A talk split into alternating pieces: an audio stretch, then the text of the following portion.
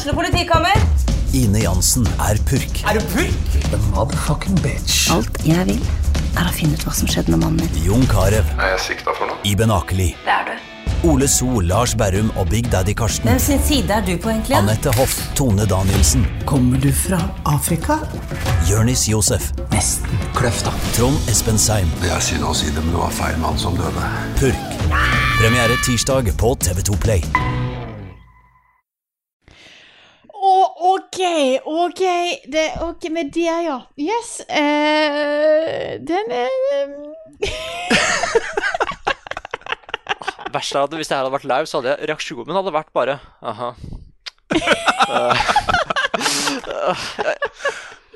Takk for meg. Nei, men det, det er sånn, det, her er Det blir så gode quizer av det, men jeg, jeg, jeg klarer ikke i det hele tatt.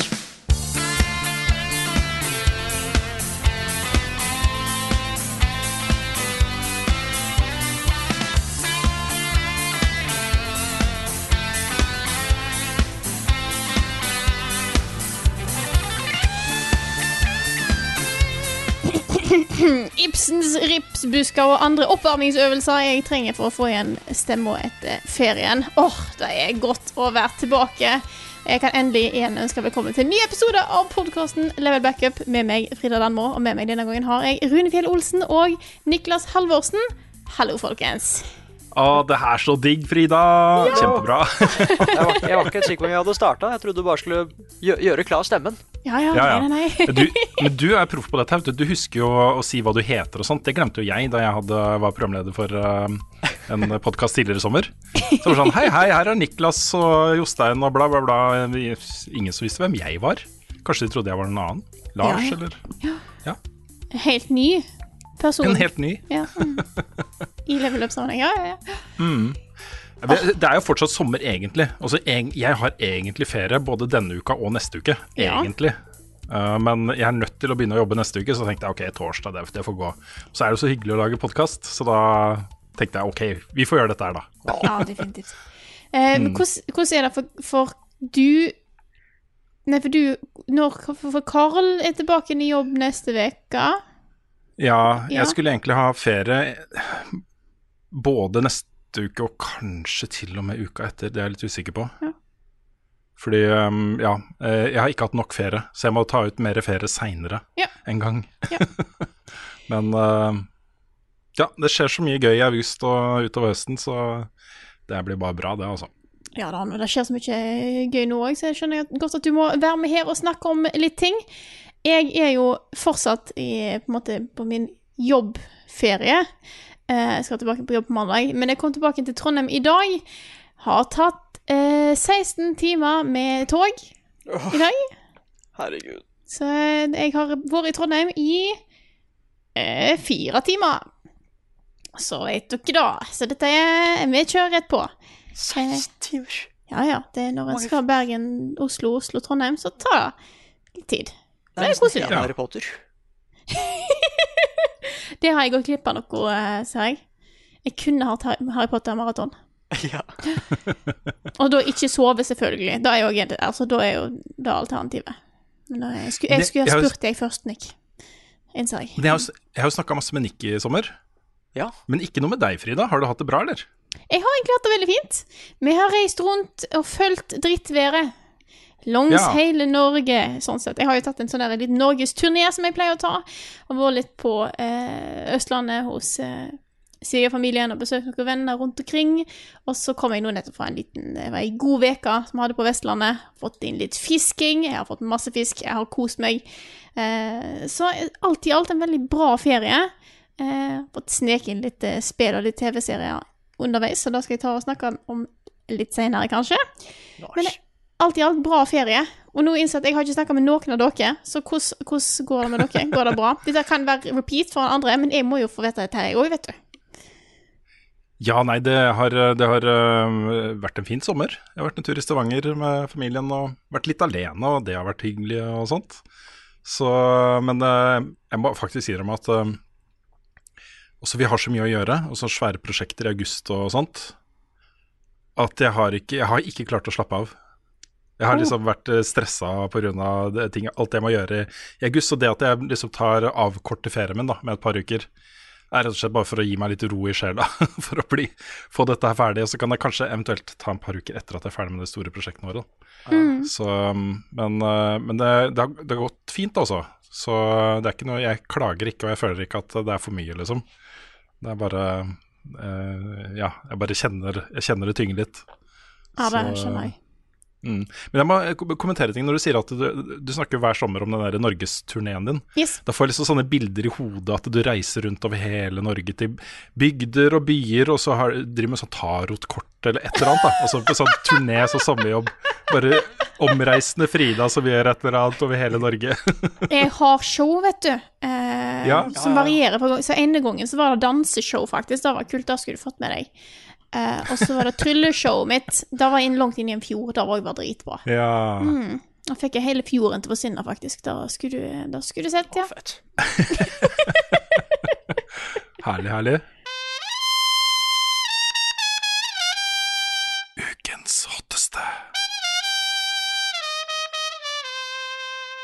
Nå skal vi snakke litt om ukens hotteste, men jeg må jo ta opp en liten eh, hot ting fra forrige uke òg. For jeg vil jo si at forrige ukes hotteste ting var jo Nick, som hadde solopodkast. Solopodkast, for helvete. Det er også, jeg skjønner ikke at du verken eh, hadde lyst, eller at du faktisk fikk det til, Nick. Det er en ganske sjuk prestasjon, altså. Ah, jeg jeg angra så mye på det da jeg starta òg, vet du. Sånn Jeg visste du kom til å gjøre det. jeg tenkte, jeg tenkte liksom at eh, jeg er så veldig glad i å ha sånne faste podcaster, ikke sant. Men det at de da skal forsvinne i en periode der hvor jeg skal slappe av, liksom, Ja, i en ferie, da tenkte jeg at Mm. nei, vi, vi kan vi- Hvis jeg skal Jeg kan prøve, da. Hvis jeg får lov, kan jeg prøve å ta en episode aleine. Og jeg tenkte liksom at Mm. nå skal jeg sitte her, holde an tre timer. Dette kommer til å gå greit. Bare snakke om nyheter og dekke den konferansen og sånn. Ja. Men så var det sånn det, det tok meg to dager å filme alt sammen. For jeg gikk fram og tilbake og bare Nei, jeg kan ikke si det på den måten her. Jeg må tilbake igjen. Og det er derfor også, Q- er derfor også Q&A-en ble litt ekstra lang.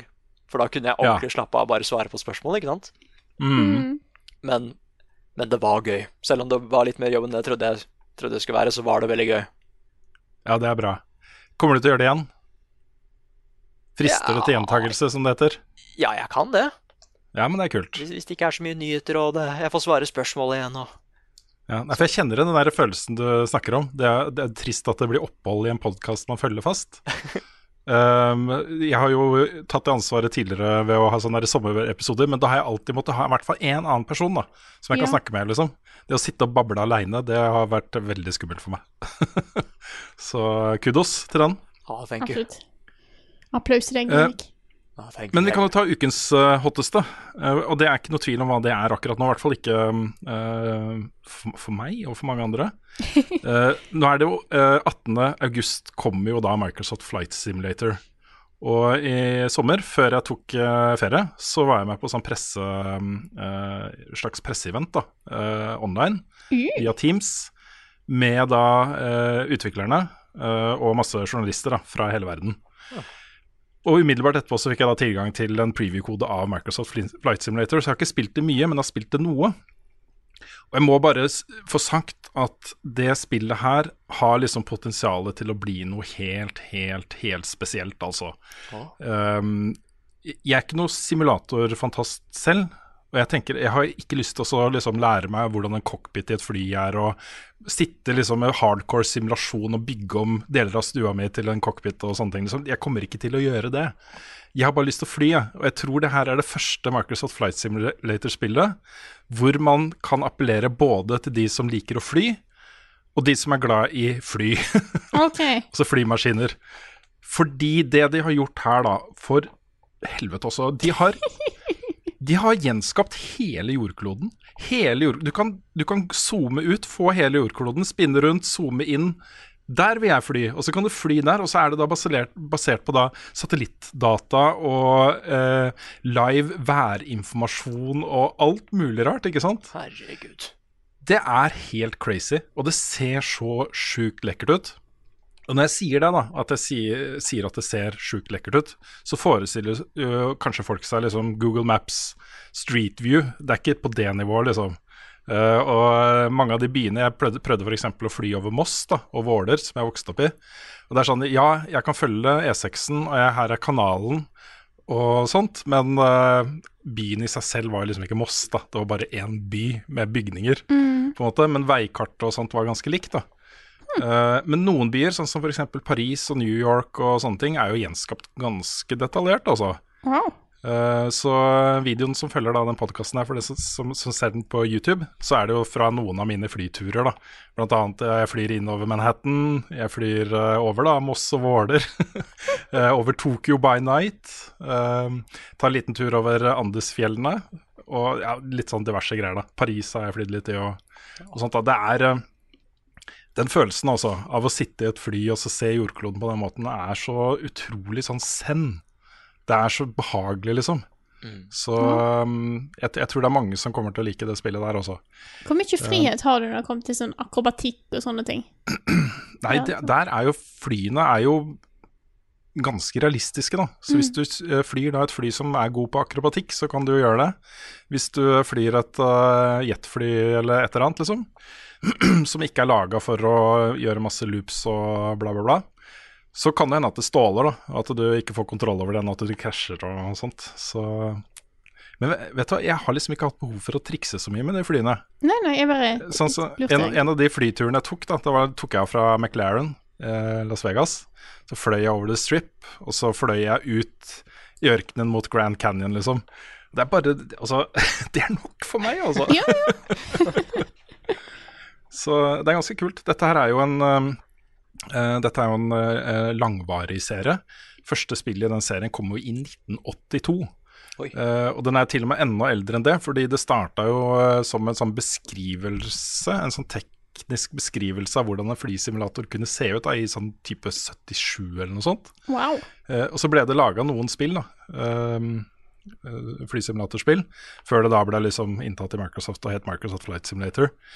Så det er en langt, eh, langt levende serie. Eh, Ikke helt bra norsk, tror jeg, men um, Nei eh, langvarig. Den har vart lenge, den har levd lenge. Eh, men det forrige spillet, den, ja, det forrige spillet i, i den serien her kom i 2006. Så eh, nå er liksom jeg jeg er glad for at det har gått så lang tid, fordi nå kan du bruke liksom moderne teknologi og få inn alle disse live-dataene og sånne ting. da. Uh, og det er et helt nytt team, da. Det, er jo, det gamle teamet ble oppløst etter forrige spill. Uh, nå er det Asobo som lager det. Det var så utrolig kult å høre de folka fra Asobo sitte og snakke om uh, det å få den lisensen. Fordi mange av de folka som nå jobber på teamet, de tok jo flylappen de, da de fikk lisensen. Så de har liksom begynt, de har lært seg å fly for å lage dette spillet her. Å, shit, det er kult. Ja, det er kjempekult. Og ja, de har virkelig gått inn, eh, inn for dette her med hud og hår også. Um, så jeg, jeg, er veldig spent på, på mottakelsen her. Jeg tror dette kan bli liksom noe helt, helt, helt spesielt. da. Det blir et jeg- chill-spill. Ja, det er veldig. Og nå er jeg helt sikker på at når folk ser på liksom de opptakene fra meg i spillet og hører meg snakke om det og sånt, det er nok en del sånne Sim-purister der ute som kommer til å At det gjør litt vondt, da. Fordi jeg setter meg jo bare ned med en håndkontroller, ikke sant? og så får jeg masse sånn derre autopilothjelp og flyr opp og bare Hei, ut på tur og Jeg flyr sikkert både for, for sakte eller for fort eller for høyt eller for lavt eller et eller annet, hva som helst, liksom. Men det er bare den der følelsen av å fly over vår egen jordklode og se på steder som du ikke har vært på, eh, eller gjenbesøke da steder du har vært på før, som du har lyst til å se igjen. Alle de tingene der, da. Det er noe utrolig, utrolig vakkert med det, altså. Men du har mulighet til å gjøre det så, jeg, så enkelt og avansert som du vil. Ja, du kan skru på fullt uh, autopilot. Det eneste du gjør da, det er å gasse og bremse og styre. Så eh, det var, det var greit for meg, det, altså. Ja. Så ja. Det er litt morsomt. En av de flyturene jeg tok, det var jo den første flyturen jeg tok ever, var jo den turen. Fordi jeg vokste opp øh, øh, På gata jeg vokste opp, så var det en fyr, da. Som jobben hans var å fly med sånne der Cessna-fly for å se etter brann i skogene rundt Moss. Så det var hans jobb da han fløy over skogene hele dagen og så så etter brann. Det var det han gjorde. Så fikk jeg være med han en gang. Og da fløy vi da fra Rygge flyplass og så opp til Våler, over eh, boligfeltet vårt, mens foreldrene mine og søstera mi sto og vinka på plenen, liksom. Åh, Og så kjørte vi seg. Liksom, jeg tok den samme turen som min aller første flytur. Det var, var ganske kult, altså. Så Stil. ja, det er masse, masse, masse jeg kunne sagt om dette spillet her. Men jeg tror eh, dette her virker som om det kommer til å bli et sånn derre spill som kommer til å utvikle seg, utvikle seg, utvikle seg. For eksempel, da. Moss ser ikke ut som Moss nå, men hvis det bare sitter én nerd i Moss som har lyst til å lage Moss, så kan han gjøre det, eller hun. Og legge det ut på Marketplace, og så kan folk laste ned Moss. Ikke sant? Og det kommer til å utvikle seg og utvikle seg og utvikle seg på den måten. Og det er eh, om, om fem år så kommer det spillet her til å være en ganske sjuk representasjon av vår egen jordklode, altså. Å, det er så smart. Mm. Er det da kun ekte ting de kan legge inn, eller kan du plutselig liksom få sånn der eh, minus tirith og sånt, liksom plutselig? Ja, det hadde også vært kult. Ja, Det hadde vært kjempekult. Jeg tror det, jeg tror det ligger noen begrensninger på hva du Jeg, jeg tror de har lyst til å holde det realistisk, jeg tror det også. Ja, men det er greit. Uh, mm. Bare lagre selv først. Ja, eh, det er masse sånne interessante problemstillinger her da, som de har måttet omgå. F.eks. så er det masse hemmelige områder rundt omkring i verden. Ja, Eh, ja, ja, ja. Mange land som nekter folk uh, uh, og, eh, innsyn, liksom. Mhm. Men eh, eh, ja, jeg tipper det blir mange som flyturer over Nord-Korea, Kina, sånne ting, liksom. Det de har gjort, da Ja, ikke sant. Det de har gjort her, da, i tilfeller hvor de vet at dette, er liksom, dette skal ikke the public vite noe om, så har de erstatta det med natur. Så det er ikke bare sånne grå områder med sånn pikselerte sånn greier, det er bare natur, liksom. Så Ja, men det er jeg tror det er en grei måte å måte komme seg rundt der på. Jeg ser for meg Mm. at det var liksom sånn tomme Photoshop-layers som var der. ja. Ja. Som checker pattern. .png. ja, Eller sånn som det er Garys måte, at det blir sånne rosa og svarte ruter. ja, ja. Mm. Jeg vet ikke om dere har dere tenkt å teste Microsoft Flight Simulator? Eller er det bare jeg som har den derre boblende entusiasme for dette spillet her? Nei, jeg, jeg må nok teste det først for å vite hva det er, liksom. Ja? Ja. Det holder ikke å bare se det, kanskje. Jeg er Jeg litt ikke usikker. Ja, for jeg har ikke i utgangspunktet en like stor iver for det som jeg vil si du har, Rune. Uh, men det er litt at det er ikke sånne type simulatorspill har ikke helt vært min ting. Mm. Men jeg har heller ikke testet så mange av de. Så derfor er det Nei, det vanskelig med å si. er sant? samme med meg, Frida. Jeg, det, dette har aldri vært min ting. Så jeg Men nå er det- Ja. ja. Det kan jo være at det er en Altså, nå er jo ikke jeg så glad i å fly. Eh, da er jo ingen Ikke sant? Her har du en mulighet, ikke sant? Ja, sant, så kanskje da, kanskje da. Jeg må nå Jeg må kanskje eh, sjekke Teste litt, da. Det kommer. Mm. Kanskje jeg skal eh, gi det en sjanse. 18. august, eh, altså. eh, samme dag som, eh, som Hellheim Hassel, det norske spillet. Så jeg skal teste begge to nå hvert øyeblikk. Det blir, blir stas.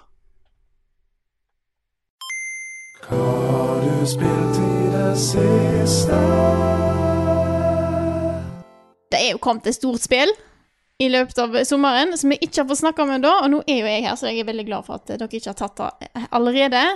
For har jo kommet Paper Mario The Origami King til Oh, yeah. Switch.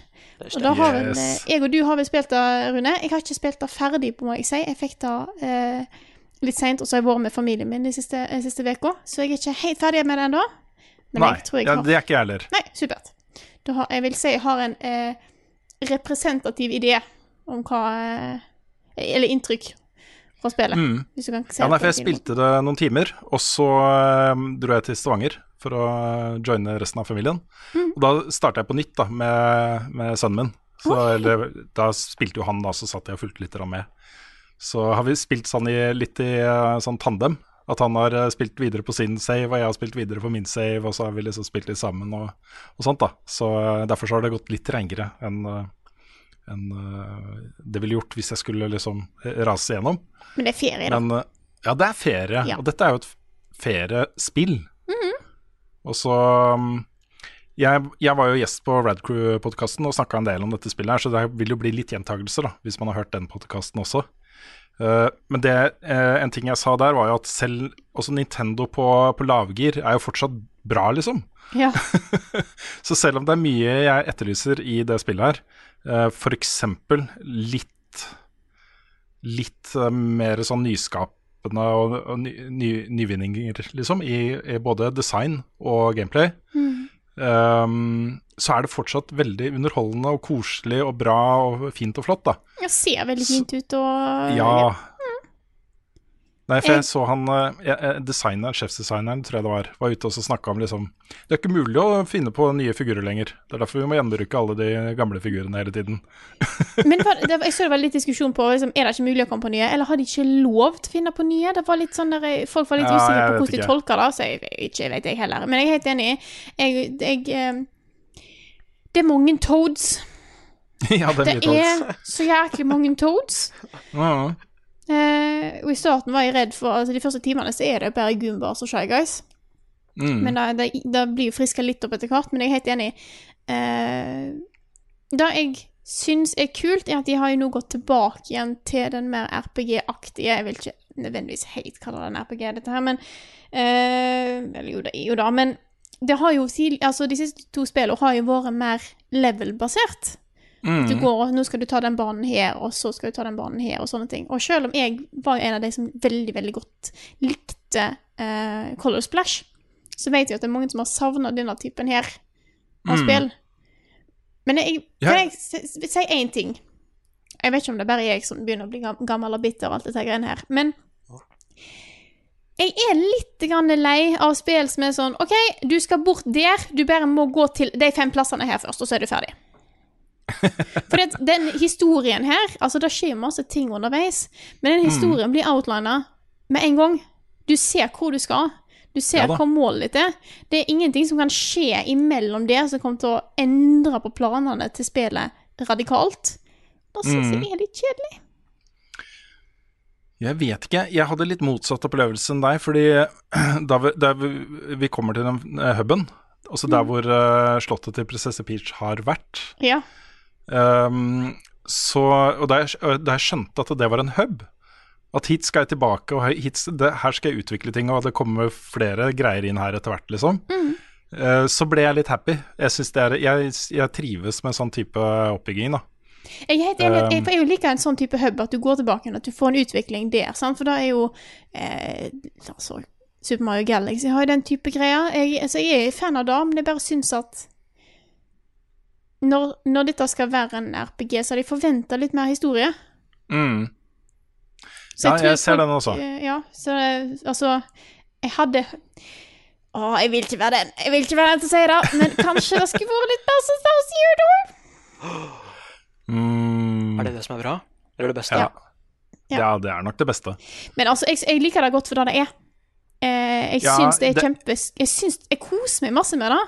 Ja, Selv om det har, uh, har sin ting, så er det igjen det med Nintendo vet hva de driver med. Og jeg syns Jeg har én en liten ting som jeg eh, Jeg kommer ikke til å ta det opp i anmeldelsen, for det gir seg ikke. Men jeg fikk jo med noe ekstra ting eh, med Ja, anmelderutgaven. det, Som er kjempekult! Jeg fikk Ja. med masse kvadratiske or origamiark til å brette de karakterene som er i spillet. Kjøpt og betalt. Yes. Eh, og det var jo litt koselig med sånn art and crafts på hytta. Eh, Ja. Men det som er litt kult, da, som du kun måtte få sett når du har disse arkene, er da at For origami skal jo være at du skal brette ting fra et kvadratisk ark. Og veldig mange av figurene de har med i spillet her, kan brettes fra kvadratiske ark. Ja, det er bra. Shy Guys, uh, Goombas, uh, disse her uh, greiene her, har jeg bretta fra et kvadratisk ark. Det er kult. Så de har faktisk brukt eh, De har faktisk gjort det ordentlig, istedenfor bare å lage noe som bare som ser bredt ut. Så er det mange av de som Mm. faktisk kan brettes. Så da er jeg da Jeg ble jeg like glad for å høre det, Frida, som jeg ble da, da jeg skjønte at uh, haikuene du kan lage i um, Ghost of Tsushima, faktisk er, er rytmemessig korrekte haikus. Ja, 575. 575. Ja. På norsk, oversatt til norsk. Det var liksom Da ble jeg Wow. glad inni meg, altså. Ja, ja. At de har faktisk tatt seg tid til å gjøre det. Ja, det er, det er liksom Det er litt sånne små detaljer som jeg liker så godt i, i spill, og jeg syns Nintendo ofte er flinke på det. De har, eh, Mm. de har mye sånn kvalitetsmessige nice little things. Ja. Det som jeg kunne ønske da med, med Det som jeg føler hadde gjort dette spillet bedre for meg Fordi her har du den der alternative dimensjonen-tingen. Og så blir du bretta til origami, så er du ond. Mm. Og de som blir bretta, blir onde, ikke sant? Eh, og det er, så, det er så mye potensial i den derre eh, kontrasten da, mellom det onde eh, origami-universet og det flate papiruniverset, som man kunne ha spilt mye mer på. Sånn som i starten, når du møter prinsesse Peach, og hun er skikkelig, skikkelig creepy. Oh, det er hun Jeg skulle så gjerne hatt mer av det, altså. Ja. At de eh, dro den enda lengre. Og kanskje var litt, litt slemmere med figurene og sånne ting. Også at de eh, også, Jeg skjønner at eh, de har lyst til at det skal være barnevennlig og sånne ting, men det hadde vært mulig å dra den lengre, da. Uten at du mista den. At det ble litt skumlere. At det ble litt mer sånn um, Guffent. Ekstremt, kanskje. Guffent, eller ja, sært, kanskje. Jeg vet ikke. Ja. Altså, fordi at Nintendo kan jo eh, lage litt småguffen stemning. Jeg bare trekker fram igjen Luigi's Mansion. Eh, så de Ja har det jo i seg. Mm. Eh, så ja eh, Gjort litt mer ut av det. Mm. Ja, for det er litt ganske creepy. Her er disse um, Toadsa de er liksom fanga bak papirark inni vegger i en sånn alternativ dimensjon. Og det, er, det er mye sånne ting da som, uh, som jeg føler er litt underspilt i det spillet her. Så føler jeg òg det er litt um, et par ting som bare ikke blir forklart. Det var sånn der, eh, du, For du havner jo Du starter jo ganske tidlig, og så får du disse her eh, thousand fold arms, er det det heter? Ja, noe sånt. Noe sånt. Uh, og bare sånn Det er en ting. Hvorfor, hvorfor går det an? Hvorfor. Skip, skip, skip, sant? Så det, jeg føler de har eh, Jeg føler de, De har skippa noen steg som jeg skulle ønske de hadde med. Mm. Men eh, det er, dette er små detaljer. Jeg har en tendens til å henge meg opp i det. Eh, men hun Liksom Utformingen på områdene og de større bossene det tar, syns jeg egentlig er veldig kule. Så eh, Mm. alt i alt veldig positivt til, til det spillet her, så langt. Jeg tror liksom grunnen til at vi sitter og småplukker i det spillet her, er at uh, da det ble uh, annonsa, og de snakka om liksom en, uh, en spirituell arvtaker til uh, Thousand Year Door og sånne ting, så fikk jo vi, vi, da, sånne som oss, fikk bilder i hodet av hvordan dette spillet kunne komme til å bli, da. Hvor bra det kunne bli. Ja. Så er jeg litt skuffa over at uh, det på en måte ikke når helt opp dit, og at de ikke de drar den så langt som de burde uh, dra den og sånne ting. Så jeg måtte kjempe mot den følelsen litt. grann. Um, så, så når, jeg, når jeg sitter sånn og småplukker i det, så, så er det det det kommer fra. da. Jeg, fortsatt, jeg syns fortsatt det er et veldig bra spill. Og jeg ville nok ha gitt det en eh, syv av ti, kanskje, hvis jeg skulle anmeldt det. Ja. Jeg, jeg skal jo anmelde det, Mm. Uh, så jeg er rundt der jeg òg nå. Uh, Ja. jeg vil, men jeg vil få med meg resten. Jeg skal selvfølgelig ikke Jeg vil ikke komme med en score før jeg har spilt hele. uh, men jeg ligger rundt der nå sjøl. Det er litt Sjøl om Nå trekker jeg inn til Color Splash igjen. Selv om det ikke var en RPG, så var det bare stappfullt av så mye små historiebiter. Liksom, li- sånn- her var det en liten setting, der var litt historie, og masse humorgreier. Jeg bare syns at det Jeg, jeg vet de kan bedre. Mm. Jeg er litt da. Så Jeg er det ganske sikker på det at Det er derfor det kommer. Det er der det kommer fra. Sorry. Hvem var det jeg avbrøt nå? Nei, nei, nei, det var eh, Jeg bare babla Ja, sånn som meg, da. noe et eller annet. Ja. Et, no, something, something. Men kan jeg fortsette på noe Don't annet? mind me. Eh, hva er, har du tenkt å spille, Nick? Uh, jeg er ikke helt sikker. I hvert fall ikke etter å ha hørt oss snakke om det, sier jeg. Nei, men da kan jeg ta en sånn derre Ja, men Ja, altså, dere var så glad i Last of Us, og det var ikke jeg, så kanskje det er omvendt her, ikke sant? At jeg, Ja, sånn. jeg kan se The Masterpiece. Nei, jeg er ikke helt uh, Jeg husker det For jeg har bare spilt det der Thousand Year Door. Men jeg husker ikke så mye av det. Nei. Jeg husker at jeg var litt for ung da jeg skaffa det, og jeg visste ikke at det var så historiehevig som det var, da. Um, så jeg må, jeg må gjøre litt research på akkurat det spillet der. Mm. Det er ikke noe historiesammenheng, bare så du vet det. Nei, ok. Nei, Et da, standalone-spill. da kan jeg jo bare go wild, da. Jeg tror det. Ja, For det, det ser veldig koselig ut. Bortsett fra den origami, The Origami Killers, men utenom det så liker jeg det. Åh, yes. Vet du hva, kan jeg nevne et annet spill jeg har spilt? Mhm. For dette her har blitt eh, Denne sommeren her har jeg tatt opp noen anbefalinger eh, som har kommet eh, eh, Blant annet her i podkasten, tror jeg. Så jeg vil først bare nevne Jeg har sett hele Dark. Å, herlig. Ja! Herlig, Frida. Å, jeg har kost meg sånn. Jeg så det eh, Jeg begynte på det på toget ned til, til Østlandet. Jeg fikk mm. sett nesten hele sesong én da. Eh, Eller i hvert fall de første sånn fem episodene. Og så har jeg liksom sett litt innimellom når jeg har tid. Og så var det Mm. at jeg hadde jo egentlig tenkt å høre på litt podkast på toget på vei til Trondheim igjen, men jeg måtte bare se resten av Dark. Så jeg så Ja, siste det. episoden før i dag. Å ja, i dag? I dag. Wow. Eh, så det ble virkelig en sånn ferieting for meg. Og fy Fader, for en bra serie. Herregud. Ja, den er så konge, altså. Åh! Den var Jeg var ikke forberedt på en sånn type serie. Og jeg bare elsker det, og jeg driver nå og anbefaler til alle jeg ser. Ja, men sånn er jeg også. Ja. Og det er, det er nesten litt synd, da, fordi um, eh, da jeg så den serien Jeg så den før den var Det var kult å se den, ikke sant? Mm -hmm, mm jeg Hipster-Rune kommer fra meg. ja, jeg, Det eneste jeg visste om den serien, var at eh, det var et eller annet om tidsreiser, og at den var tysk. Det var alt jeg visste. Absolutt alt jeg visste. Hadde ikke lest noe om den, så jeg bare begynte å se den. Um, og det, det når, når du og jeg sitter og snakker om denne serien på den måten her, så får folk en forventning om hva denne serien er, på en helt annen måte. Og så man, man, eh, man eh, bygger seg opp en forventning. Jeg, jeg, jeg, for min del, liksom, det at jeg gikk inn da i de første to sesongene, for det, det kunne jeg se da, da jeg begynte å se den, uh, uten å vite om den, så var jeg liksom sånn uh, Nesten sånn lamslått over hvor fett det var, da.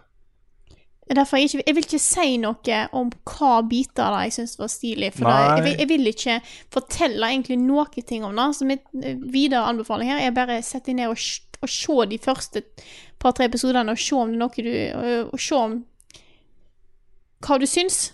Og så, eh, hvis du Hvis du hvis det er en serie som treffer deg, så tror jeg, så jeg Sånn som den for meg, så er det bare til å kjøre på. Da har du litt å kose Ja, så vil jeg legge til bare én liten ting til. Altså, det er ikke liten, det er en ganske stor ting.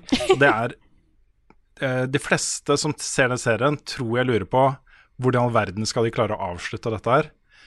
Og jeg må bare få sagt at den avslutningen på den serien der er noe av det beste, altså. Med hele serien. Altså, de, de Jeg har ikke behov for å se mer. Nei. Serien er helt ferdig, den er helt ferdig fortalt, og alle de uh, mest forvirrende tingene er forklart. Og det er, det er så fett, altså. At man sitter gjennom hele serien og er bare så confused as fuck. Ja. Og så kommer du til slutten, og så er du ikke det lenger på samme måte. Og det er så deilig, altså. Det var, jeg, det var en som nevnte meg at det var da jeg var midt ute i sesong Eller start på sesong to, tror jeg. Sånn at det, du må se sesong to for å forstå sesong én, og så ser du sesong tre for å forstå sesong to. Ja, men det er litt sånn Ja, mm, Det dukker opp nye elementer hele tiden som du ikke skjønner en dritt av, ikke sant. mm. Men jeg, synes, jeg er helt enig. Jeg syns hele serien eh, funker veldig bra, fordi at de, de introduserer en del nye konsepter. Eller konsept, de introduserer en, del elementer. Og så får du forklaring på alt du trenger. Du sitter der ikke etterkant og bare sånn 'Å, nå skjønte jeg ikke så mye av dette her. Men det, det faktisk eh, er forståelig. Så eh, Jeg fikk det spørsmålet fra en på Twitter, faktisk, som spurte Jeg har veldig lyst til å se, jeg er veldig nysgjerrig på den serien, jeg har veldig eh, lyst til å se den, men er dette her sånn som Lost? Og så var det så deilig å kunne si nei, det er ikke sånn som Lost. Nei.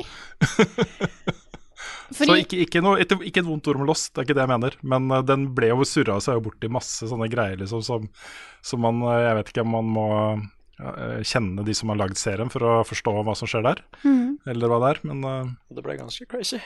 ja, ikke sant. For når vi snakker om anbefalinger og ting som går over hodet på meg, så kom jeg til det jeg skulle snakke om hva jeg har spilt. Jeg er godt over halvveis ut i Kentucky Route Zero. Og du er det, ja. Og jeg skjønner at ikke en dritt! Nei, det, den Den er abstrakt, ass. Jeg skjønner liksom et par ting her og der, og ser at OK, dette skal være et symbol på litt sånne ting. Men resten Ja. er bare sånn der jeg, jeg, jeg liker det for det det er. At det er en Mm. kul opplevelse. Og så bare godtar jeg at jeg skjønner halv, un, godt under halvparten av hva i alle dager da. foregår. Ja, ja, ja. Det, det er mer en sånn derre det, det å spille det spillet er mer en opplevelse. Også man, Ja. man eh, må slutte å tenke så mye, tror jeg. Og bare liksom synke La ting synke inn på en litt annen måte. Og så bare oppleve det, og så eh, reflektere over det hvis du vil, da, sånn seinere. spillet gjorde mer uh, Var mer forståelig for meg da jeg begynte også å høre litt om hvor det kom fra. Mm. det, det ble jo skapt litt i kjølvannet av finanskrisen eh, og den, eh, de der brutte amerikanske drømmene og så eh, den type issues, da. Mm. Med faktiske også eh, eh, folk som ikke kan betale huslånene sine og uh, miste jobbene sine og uh, alle de tingene der, da. Ja, ja. Og så det var der, det var der det det kom fra. Da ble på en måte mange av de abstrakte tingene litt mer konkrete og håndfaste for meg. Ja. Nei, jeg er enig. Det, det, fordi at når jeg fikk høre de trekkene, sant, finanskrisa, eh, American Dream, eller sånne ting, så sier jeg OK, nå kan jeg skjønne litt av den biten og litt av den biten. Jeg tror Mm. jeg Jeg husker ikke om jeg ble ferdig med akt 3, eller nesten ferdig med akt 3. Uh, men uh, jeg, jeg syns det er veldig stilig, for spillet er så Det er så utrolig annerledes. Mm, Det er ja. så mye mer weird enn det jeg trodde, og det gjør så mange ting jeg ikke forventer. Jeg Det her eh, virker som et spill som er lagd av noen som aldri har uh, lagd spill før. Det er sånn det virker som, at de, de vet ikke engang helt hva spill er. Så de, bare, de vil lage en interaktiv fortelling, og så bare finner de opp hvordan man gjør det underveis, på en måte. Og så er det noen konvensjoner her, da, altså noen ting du kjenner igjen fra særlig gamle uh, adventure-spill. mm, Men måten er satt sammen på, måten historien fortelles på, uh, hva slags innlevelse det er osv., føles så utrolig unik, da. Eh, det, det er kriminelt at jeg ikke fikk anmeldt det spillet. Det er et av mine favorittspill i år. Da. Det er høyt, høyt, høyt oppe, liksom. Så um, eh, ja. Amazing, det spillet, altså. Mm. Altså, det ble lagt litt vekt da uh, Paper Mario kom. Men jeg har planer om å få komme gjennom det så snart jeg har tid. Mm. For det, det er et stilig spill. Jeg liker Jeg tror jeg har fått mer og mer sans for det jo mer jo djupere, Jo dypere jeg har kommet inn i spillmediet, så får jeg mer sans for de tingene som gjør ting annerledes. Mm. Dette spillet her er jo definitivt der. Men jeg liker, å, jeg liker stilen på det. Ja, og musikken. Åh, ja. Det er nydelig, kult. altså. Det er et fantastisk spill. Eh, og så tror jeg Jeg må bare nevne det kort. Jeg tror jeg sa det før eh, i podkasten før jeg tok ferie, litt plutselig. Eh, at jeg gleder meg til å komme på hytta, for da skal jeg spille Sega, eh, Sega Mega Drive. Og det har jeg gjort. Jeg har Ja. spilt Dragons Fury, World's Best 3D Pinball Game, eh, og eh, Truxon, Space Shooteren. Eh, jeg prøvde meg på normal der, og ikke easy, fordi at det, jeg bare skulle se hvor langt jeg kom, og jeg kom et godt stykke. Jeg kom før Meteorhelvete, som er et eget segment der du bare har til livet og lurer på hvorfor du gjør dette her.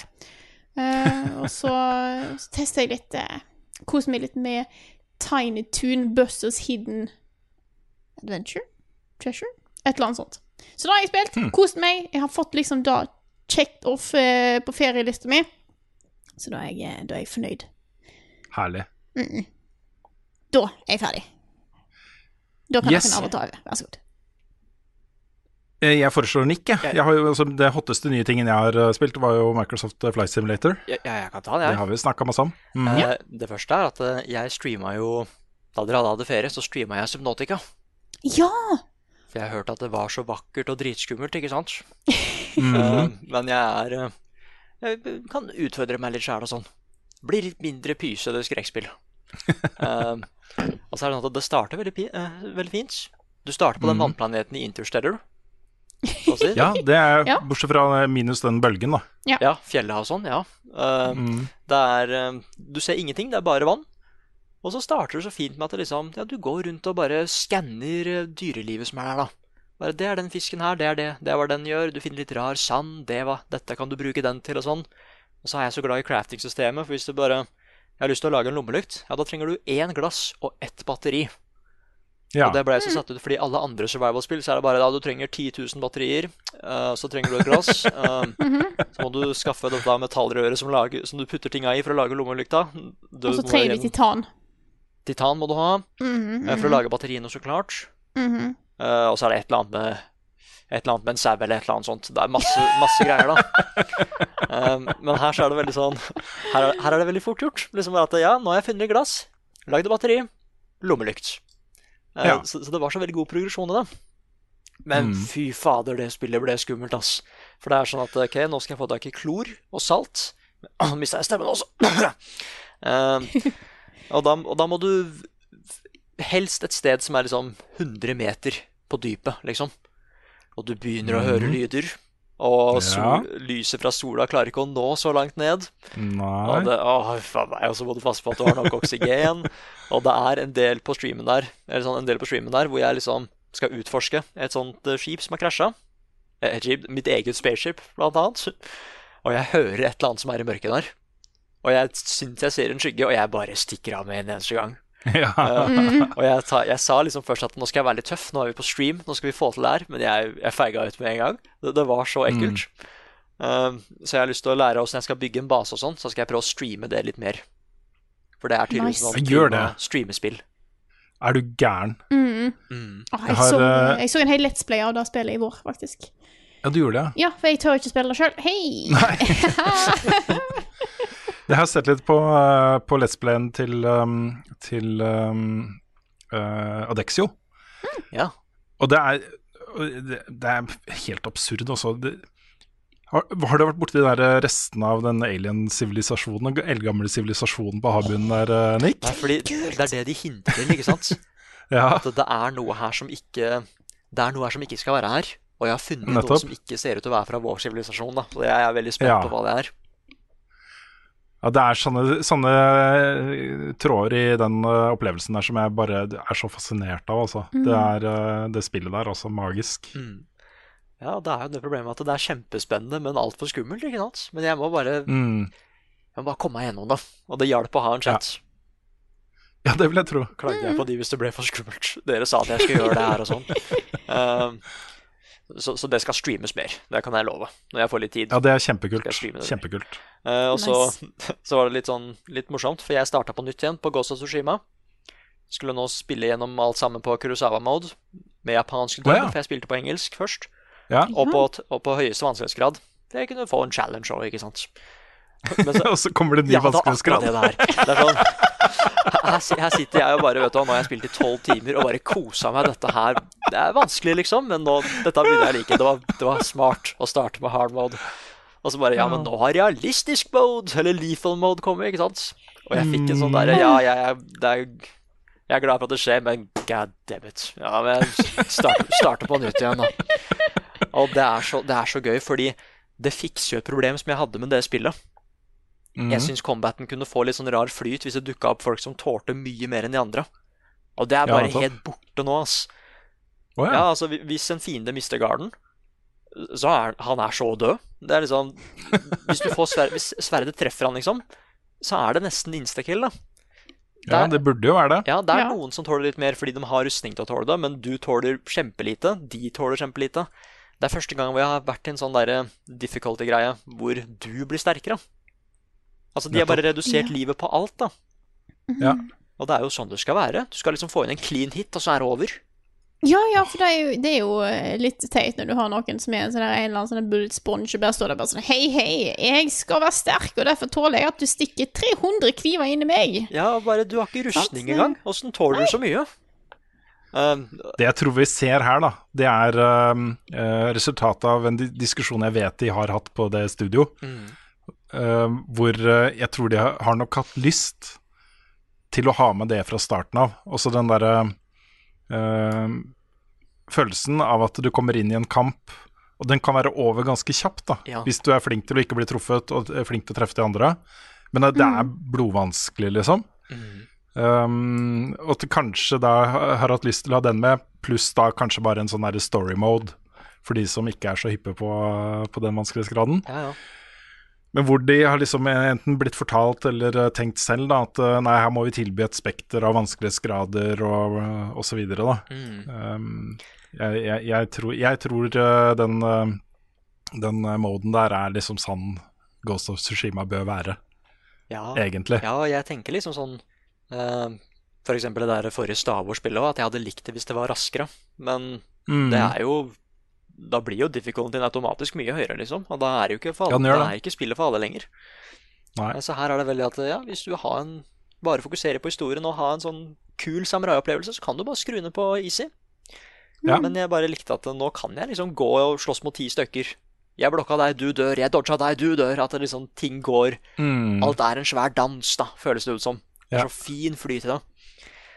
Og Dette her har jeg lyst til å se video av, eh, Nick. ja, for jeg vurderte å streame Jeg holdt på å si Det hadde vært litt gøy å ha en sånn der hardcore, se, uh, hardcore Ghost of Tsushima-stream. Se hvor langt jeg kommer uten Mm. å dø. Eller Ja. bare en Let's Play eller et eller annet. Men bare Det kunne vært en kul stream. Og så spille det på Kurosawa-mode. Det, det må man nesten gjøre der. Jeg fikk en helt sånn annen uh, Det forandrer jo bare på stilen, men jeg Det gjør noe med stemningen nå, altså. Ja, det gjør det. Og særlig hvis man har sett en del av de sort-hvite eh, samurai-filmene fra før. At eh, litt av den der samurai-mytosen som jeg har, da, kommer fra det. Mm. Da gir det en helt egen, eh, en egen fil, altså. Ja, så det kan nok hende at det blir en liten Kurosawa-stream der. Med høyeste vanskelighetsgrad. For det var veldig, veldig gøy. Det skal jeg pinadø se på. Nice. Og det, og det aller siste jeg har spilt, da, det var det jeg streama sist gang, og det var Carrion. Car Carry Jeg syns det var så fett å, å være med på den streamen fordi det var så mange i chatten som bare så vidt hadde hørt om spillet, eller ikke hørt om spillet i det hele tatt, som var sånn Dette skal jeg spille. Ja, ja, ja. Det ser så fett ut! Ja, det gjør det. Åh, det er så smooth. Mm. Og, og jeg prøvde jeg hadde, jeg hadde jo Pacifist Run i det spillet. Ja vel. OK, interessant. Og jeg syns det egentlig gikk ganske greit. Uh, jeg uh, holdt meg unna mennesker. Uh, jeg ødela ikke dører. Jeg åpna dem sakte og gikk gjennom. Ja, ja, ja. Uh, Frida, bare for å oversette det Nick sier her, han drepte alt. Ok, for Jeg lurte på om han virkelig hadde gått inn på Pacifist Mode, for da går jo jeg bare å finne ut hvordan i alle dager det skulle gå an. Ja, nei, vent litt. Du lot én være igjen i live. Én av noen hundre. ja, for jeg var, ja, fordi det, det var at jeg, jeg fikk en conscience, ikke sant. Uh, Og så hadde jeg lyst til å lage Jeg hadde lyst til å skape The Final Girl, for hun må jo være der. Men jeg prøvde å drepe dem så fort som mulig, til mitt forsvar. Ja, Det var det det pacifist-greia gikk i. Ja. OK, da er jeg med. Det Da er var, jeg med. Da, det, var, det var egentlig Pacifist Run. At ja, hvis jeg finner noen, så skal jeg ikke pine dem eller noe sånt. Vi bare dreper dem med en gang. Uh, av og til så ble jeg litt sånn småirritert, så da tok jeg det litt utover menneskene. Men jeg ga meg fort igjen, da. Jeg spiste opp, jeg spiste opp alt også hvis jeg drepte en. Det er jo viktig. Mm, Jeg må tenke på de som skal jobbe der etterpå, ikke sant. Eh, Selvfølgelig. Det er litt syr hvis du går der og bare sånn Det ligger en fot. ja, ikke sant. Hvis jeg finner to stykker som er venner, så spiser jeg begge to, så de får lik behandling. Ja, kjempebra. Det er, øh, nei, og så er det det, det, var, det var så gøy, for jeg trodde bare spillet handla om at du skal stikke av. Ja, det er jo egentlig Det er jo egentlig hele målet, men kan jeg spoile en bitte liten ting? Rune vet hva det er. Eh, Jeg, jeg, det skjer såpass tidlig i spillet at jeg tenker at det er greit. ja, fordi du får, du får eh, du, du kan liksom gå inn i sånne spesielle maskiner hvor du plutselig styrer mennesker. Mm. Mm. Og det er jeg veldig spent på for jeg er ikke helt ferdig med spillet ennå. Men der skjer det spennende ting, altså. Mm. Og, og det er en sånn Det er ikke fortalt hva som skjer, alt er bare vist. Um, og og det, det minner meg veldig mye om f.eks. Limbo Inside. da Måten den forteller og bygger av verden på. da Så jeg er veldig spent på hvor det spillet her bærer nå. ass. Jeg har blitt skikkelig stor. Mm. Jeg har spist masse rart. Uh, fått masse abilities og sånn.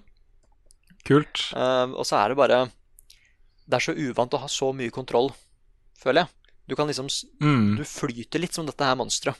Og du er veldig veldig rask. Du har veldig god kontroll på det, selv om det ikke ser sånn ut. For du igjen, du blir jo dritstor, ikke sant? Men du kan fortsatt gjemme deg i små rom og være sneaky og Ja, jeg er bare spent på liksom vanskelighetsgraden etter hvert. Det, det begynner å bli litt vanskelig nå. Men jeg har fortsatt så god kontroll på det monsteret. Mm. Og, og nå har jeg faktisk Nå har jeg begynt at nå spiser jeg bare folk hvis jeg har lite liv. Eller hvis de skyter. Å, meg. OK. OK. Ja. Eh, for jeg tenker at da, de kan ikke alle være slemme. Nei, sant. Mm. Og det er viktig at jeg fant ut det før jeg hadde drept 200. Ja, nettopp. Ja. Men nei, så det ble, det, det ble plutselig eh, en ish spennende historie. Jeg kan ikke kalle det for en historie, men det er mer der, da. Mm. Så jeg er spent på å finne ut hva det er. Er det mulig å spille gjennom dette spillet med et faktisk pacifist run, Nick? Nei. Det Nei. er flere Nei, puzzles det hvor du må. Ja, det er enkelte puzzles hvor du må drepe, dessverre. Ja, ok. Da sier jeg bare Altså- sorry, ass. Det er Altså, you never know. Jeg har sett Dark Souls Pacifist Runs. Ja, vet du hva, det er Ja. sant. Mm. Nei, eller jeg driver og tenker Det er noen steder der hvor jeg kan, jeg kan ikke se for meg at du klarer uten å drepe oss. Nei, jeg tror det er vanskeligere å spille, det, altså. Mm. Så det blir i hvert fall ikke Jeg får ikke den beste slutten hvis, jeg, hvis det er et sånt moralsk system der. Det gjør jeg ikke. Ja, men jeg, jeg er spent på å se hvor det går hen. Ja, jeg gleder meg til å få spilt det også. Det er sånn eh, eh, Ja. Jeg gleder meg til så lenge. Det var ordentlig gøy å se deg spille det. Så det var en god start for meg også. Da at du ikke ble spoila. ja, det gjør ikke noe. Det er masse igjen. Mm. Mm. Nei, jeg har jo som sagt snakka om eh, det, det nyeste og hotteste jeg har spilt. Eller så eh, har det jo vært ferie i den grad at store deler av ferien min har jeg nå brukt til å levele opp Destiny-karakterene til kidsa mine. Så nå har jeg blitt veldig veldig klar for at de skal være med når eh, Beyond Light kommer i november. Begge to. Da har jeg lyst Ja, begge to. Eh, så da har jeg lyst til å raide med dem og alt, da. Men for å gjøre det, så må de først opp på eh, OK level, og så må jeg begynne å lære de opp, ikke sant. Og sønnen min har begynt å bli ganske god nå. Han skjønner liksom mekanikken i strikes og sånne ting. Men det er litt gøy, da. Vi, jeg tar det med på strikes, ikke sant. Og så kommer vi til slutten, og da får de opp sånn scoreboard. Eh, hvem som har drept eh, mest, og hvor mange man har drept, og sånne ting. Og han, eh, han har jo nok med å liksom bare bli med, være med, følge med og finne veien videre og sånne ting. så det har vært et par av de strikene. Han har fire kills, og jeg er liksom 240.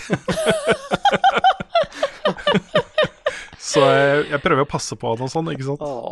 Men han, men han skjønner greia. Han skjønner jeg forklarer han boss-mekanikker og puzzle-mekanikker og sånne ting.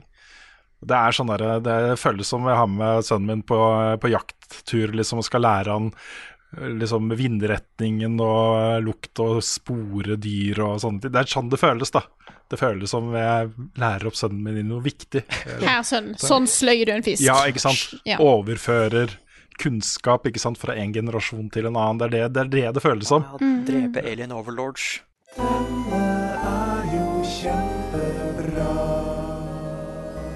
Ukens anbefaling. Det er så fint. Bare komme tilbake igjen fra ferie, og så har bare Rune selvfølgelig bare line opp anbefaling. Ja da, Ja, jeg har det. Kjempegreit.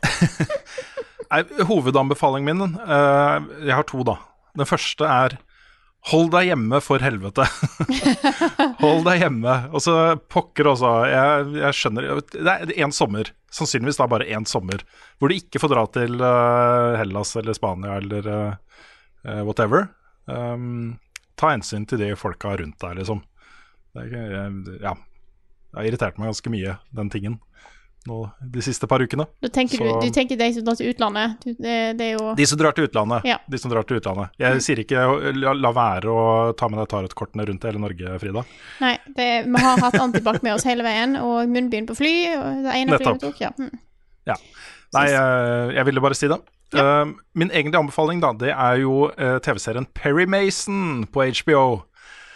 Det er da med Matthew Rice, kjent fra The Americans, som har hovedrollen der. Dette er jo en sånn klassisk uh, krimserie, advokatkrimserie, uh, som jeg ikke har sett noe av før, eller lest noe av før. Det er vel basert på en bokserie. Uh, og det foregår på 50-tallet, tror jeg det er, i USA, i Los Angeles. Og det, dette er en sånn derre eh, kombinasjon da, av eh, thriller og rettssalsdrama og krim som jeg elsker. Fordi det starter med en sak som er litt sånn grotesk, men virker ganske enkel. Og så skreller de av liksom lag for lag for lag, og dypere og dypere inn i hvor dette egentlig stammer fra og sånne ting. da. Eh, og det, det er så intelligent laga. ikke sant? Måten historien er bygd, på, bygd opp på, blir sånn at du hele tiden sitter og får liksom Å, shit! Han kjenner han! Ikke sant? Forandrer jo alt. ja. Og så er det veldig veldig kult, da, fordi Perry Mason er jo kjent som en advokat. Det er det han er kjent for å være ikke sant? I, eh, i serien. Og her, Han er jo ikke advokat da serien starter, og det var en sånn der, eh, utrolig kult poeng som kommer i løpet av den første sesongen. da. Og Den serien er ikke ferdig ennå, det er to episoder igjen. Den går, eh, kommer en ny episode hver mandag. Eller natt til mandag, da, norsk tid. Så eh, neste, de to neste episodene er da nå førstkommende mandag og neste mandag. Så det er ikke for seint å catche opp med de episodene som har kommet, og så kan man se liksom, få de to siste episodene eh, når de kommer, da. Så den eh, anbefaler jeg på det varmeste. Jeg er fryktelig glad i Matthew Rice også, etter, eh, etter um, uh, The Americans, som er kongeserie, det også. En veldig, veldig god skuespiller. Så det er min klare, bastante anbefaling fra sommeren på TV-fronten. Yeah. Du hadde et par også du, Nick. Ja, eller jeg kan være veldig, veldig rask, for jeg så Jeg har både sett en ny anime siden jeg ble så interessert i samuraier. Akkurat som skjedde med Red Dead òg, da måtte jeg se westernfilm Ja. nå, ikke sant? Er, Yes! Uh, men den, den første filmen har ikke noe med samuraier å gjøre. Det er astronauter og sånn, for det er The First Man, fikk jeg endelig sett. Åh, den er så bra! Den, det er sånn derre Jeg har et sånn softspot på de som skal ut i verdensrommet, ass.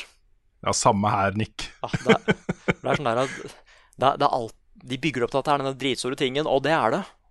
Og selv om det Mhm. ikke skjer noen sånn superdramatiske ting, så begynner jeg å grine når de skal reise opp, da. Ja da. For du veit hva som er ofra for at det skal skje, liksom. Mm. Alt det som måtte gå riktig, og bare det at de faen meg fikk det til på den tida, er helt crazy, ass. Ja, det er jo de, de, de romskipene de hadde da, det er jo noe som man kunne lagd i garasjen omtrent. Og så skal de sette seg inn i den og så kjøre til månen, liksom. Fly til månen. Så liksom, og så styrer de det ved hjelp av en kalkulator. Det er sånn helt ridiculous. Ja, og Ja, og i tillegg da, det at det, at det ble da Armstrong og eh, Buzz, eh, hva heter det, Buzz Aldrin og de der som dro, ja, ja. det var jo fordi det forrige crewet, det egentlige crewet, de brant jo opp Ja, på grunn av feil Ja. ja, det, det er liksom under bare test, liksom. Ja, fordi han, han har bare lyst til å være med, fordi jeg, jeg må ha liksom et change of scenery, ikke sant? Han, jeg, bare, jeg, jeg må gjøre et eller annet, noe annet for å få Ja. Det skjer noe greier på starten av filmen som jeg ikke skal spoile meg her hvis man ikke veit det, men han har lyst til å bare gjøre noe annet, da. Mm. Og kona er bare sånn at ja, dette kommer til å bli et eventyr, honey. Uh, det, det er liksom ikke Han skal ikke opp til månen med en gang. Han vil bare først gjøre noe annet. Men så skjer det mm. ting og tang. Ja, ikke sant? Going on an adventure. Uh, oh, den, den holdt på å si, Nå skal jeg spoile med den sekvensen da de skyter opp raketten, holdt jeg på å si. Uh, Ja, for pokker, altså. Oh, fy fader, ass. Det er uh, Irriterer meg at jeg ikke fikk sett det på storskjermen, for det, det var så bra, det. Å, den filmen må jeg få sett, altså. Du kan høre hver eneste mutter i det der vraket av et romskip eh, bevege på seg, liksom. Ja, ja, ja. Ah. For han er jo sånn engineer. Han, Mm. ja, så han følger med på liksom åssen ting er satt sammen, og med en gang noe knirker, så bare ser han bort dit, ikke sant? Så det, å, jeg får helt noia av det. Det er sånn, det bråker så fælt, men de snakker sånn som det her, Houston. Dette, oi, oi, oi, nå skjer det noen ting, men vi skal prøve å fikse det. Det Liksom, Mm. den treningen de må gjennom, og de viser den delen av historien, og nei, det var eh, Det, det, det var kjempebra. Jeg, jeg, er Ja, det er kongefilm, altså. jeg er så fan av den regissøren etter at jeg så Whiplash, så jeg bare irriterer meg at jeg ikke fikk sett den på kino, for det var, det var så kult. Mm. Eh, og den andre, da går jeg veldig fort gjennom. Jeg ville se på noen serier angående samuraier og sånn. Og da fant jeg en ganske En ganske ny anime, men som er basert på en serie fra 60-tallet. Som heter Dororo, heter den. Dororo, som du kan se på Video Prime. Eh, den tar inn, den tar ikke sted i den samme perioden som uh, Ghost of Tsushima. Den tar sted i det Sengoku period, tror jeg. Men hør her, da. Eh, Fordi jeg ville jo ha en serie som liksom kunne klø min samurai itch etter, nei, etter Sushima. Men jeg fikk det samme i Sekiro også. Mm. Og her skjønner jeg liksom hvor inspirasjonen fra Sekiro dukker opp òg. Fordi det handler om at det er en daimo, en sånn lord, som har lyst til å redde landet sitt. Det det går ikke så bra med det landet han hersker. Så han ofrer noe til en demon. De kan ta noe fra han, slik at de kan redde landet. Og det viser at det de tar, er hans førstefødte. Men Ah. denne førstefødten, han, han blir eh, Det er ikke sånn at han dør når han blir født, men han mister kroppen sin. Han mister liksom kroppsdeler han mister, Dette er veldig voldsomt, men han mister huden sin, øynene, sansene Han liksom mister alt bortsett fra kroppen sin. Eh, og han blir da sendt ut for å, for å dø, da. De ser ikke noen måte at han kan overleve på, men han blir funnet av en sånn sculpture-kar som kan lage prostetiske ting. Oh, yeah. Ja, og da, kommer, Wow. ja, da kommer den greia der, da. Uh, og han sier bare at det, det er jo ikke mulig at denne babyen her kan overleve. Men så ser han at han er, han er født med the will to live, ikke sant? Har du lyst til å leve? Og da lager han en kropp til, denne, til dette barnet her. Og serien handler om da at han må, han må beseire disse demonene som nå har dukket opp i landet. Fordi hver demon han beseirer, så får han tilbake en del av kroppen sin. Åh, jeg får gåsehud, Nick. Den serien her har jeg lyst til å se. Ja, den er så bra! Ja. Ja, det, ja, det, og den er fra 40, nei, 60-tallet. Wow. Så har den nå fått en anime. Den er helt eh, Den har jeg ikke hørt så mye i det hele tatt, så jeg tar og eh, setter den på lista det er rett fram. Dororo heter den. Hmm. Og den kan du se på Video Prime. Og den var veldig stilig. Og så var det samuraier der, og det var rånins, og de snakka om shogun, ting og tang og Jeg har uh, hørt uh, teamlåta fra den uh, serien, da. Ja. Den derre Dororo til fiskeskjær. Mm. Det er feil. Her kommer nyheter med Rune Fjell-Olsen, og han har ikke hår. Det var et pussig sammentreff da Nika, at du snakka om samuraier og Sekiro og alt mulig rart uh, nå nettopp. Fordi uh, vi skal starte nyhetsspalten med uh, Sekiro. Det kommer nå en oppdatering til eh, det spillet, til alle versjonene, altså både PS4 og Xbox One og PC, den 29. oktober, hvor du da får to nye antrekk. Eh, muligheten til å legge igjen sånn 30 sekunders video foran bosser og eh, utfordringer og sånt. Som folk, altså litt som den derre eh, note-systemet i Dark Souls, ikke sant? Ja. hvor du kan legge ut en note hvor, med hint. da. Men Der kan du legge ut eh, 30 sekunders video. Så når du kommer dit, så kan du velge å se den videoen ikke sant? med hint uh, til bosskamper eller hva som helst. Uh, og så kommer det en ny greie, en sånn boss rush mode som heter Reflections of Strength, hvor du kan gå da uh, til, uh, til en av disse eh, Å, hva heter den? Den hvor du eh, teleporter til eh, gamle dager. Altså, disse bjellene. Ja, jeg husker ikke. Du kunne gå til Nei, vent, da. Du, det er jo sikkert til de der eh, stedene hvor du teleporter, vil jeg tro. Shrine Ja, de der eh, lyktene, liksom. Ja. Hvor du kan Ja. Ja. Um, Reflections of Strength heter den, og det er sånn boss rush mode, da. Hvor du kan bare velge la, lage en playlist, virka det som, med bosser, og så bare spille det. Og da kommer da den siste nyheten. Uh, hvis du spiller det på en spesiell måte, som da heter Gauntlet of Strength, eh, så er det sånn at du har ett liv. Det er permadeath. Du, og se hvor langt du kommer, ikke sant? Det blir gøy, altså. Det må vi gjøre, finne, det må vi gjøre et eller annet på, tenker jeg. Det er en duell, altså. Ja, det er en duell. Hvor langt kommer man i Gauntlet of Strength? Og Da tror jeg det bare er bosser. Jeg tror ikke det er det vanlige spillet. Det var sånn det virka, liksom. At det er en sånn eh, jeg, jeg tror det. Kult. Altså bosser og eventuelt uh, mobs da, i forbindelse med bossen. Men eh, eh, jeg tror det bare blir å ta én etter én av de bortover. Så lenge det ikke er den der oksen, så skal det gå greit. Var det, var det din akilleshæl der? Ja, han, han var slitsom, ass. Han, Ja. han, han hadde jeg skikkelig problemer med. ja. Bare løpe i ring, så gikk det bra. Jo, men ja, men Og apropos duell, da. Eh, fikk jo, Jeg venta litt på det svaret ditt uh, på Twitter, eh, Frida. Det var sånn Jeg hadde tenkt å invitere til dere med, men jeg bare visste at her kommer det et eller annet. Sorry, jeg måtte bare Ja. Det er jo en produsent av retrokonsoller som heter Analog. De har lagd mange av dem opp igjennom, uh, inkludert da denne Nesten din, Frida. Den er Som veldig jeg flott kjøpte. i Ja, du gjorde Ja. det. Jeg kjøpte den, og så ble, tenkte jeg ok, vi trenger en premie til duellen, og så vant du den. Jeg skjønner ikke helt hvorfor du valgte å, å Nei, jeg hadde ikke tenkt den eh, nok gjennom, tror jeg, rett og slett. Uh, bra TV, tenkte jeg. ja, du tenkte på content. Og så hadde du ikke blitt kjent med meg ennå, mitt konkurranseinstinkt. Nei, Nei. det var ikke det at jeg trodde at jeg skulle vinne selv, det var bare at den var der. Jeg hadde ikke tatt den opp av boksen og begynt å bruke den ennå. Jeg tenkte ja, det er en bra premie. Jeg hadde, bare- hadde ikke tenkt det nok gjennom, ikke sant. Så aluminiums, børste aluminium og det, ah. Men Ness, liksom. Med HDMI og alt mulig rart. What? Ok, men poenget, da. Uh, samme produsent kommer nå med en ny konsoll. Den heter Analog Pocket. Den lanseres i 2021. Og det er da uh, Den spiller native alle Gameboy-spill. Uh, Gameboy, Gameboy Color, Gameboy Advance. Du kan ta cartridgene, dytte de rett i.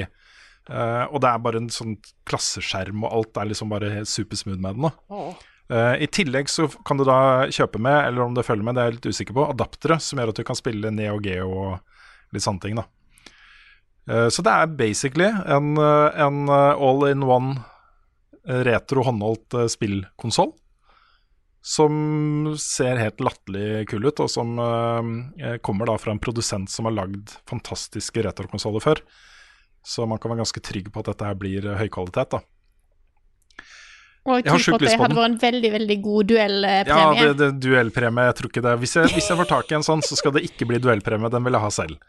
Nei, det skjønner jeg veldig godt. For jeg har fortsatt masse av de cartridgene liggende, ikke sant. Eh, Gamle Metroid-spillene osv. Ja, ja. Uh, der starter de pre-orders klokka 17.00 den 3. august. Og den er ganske dyr.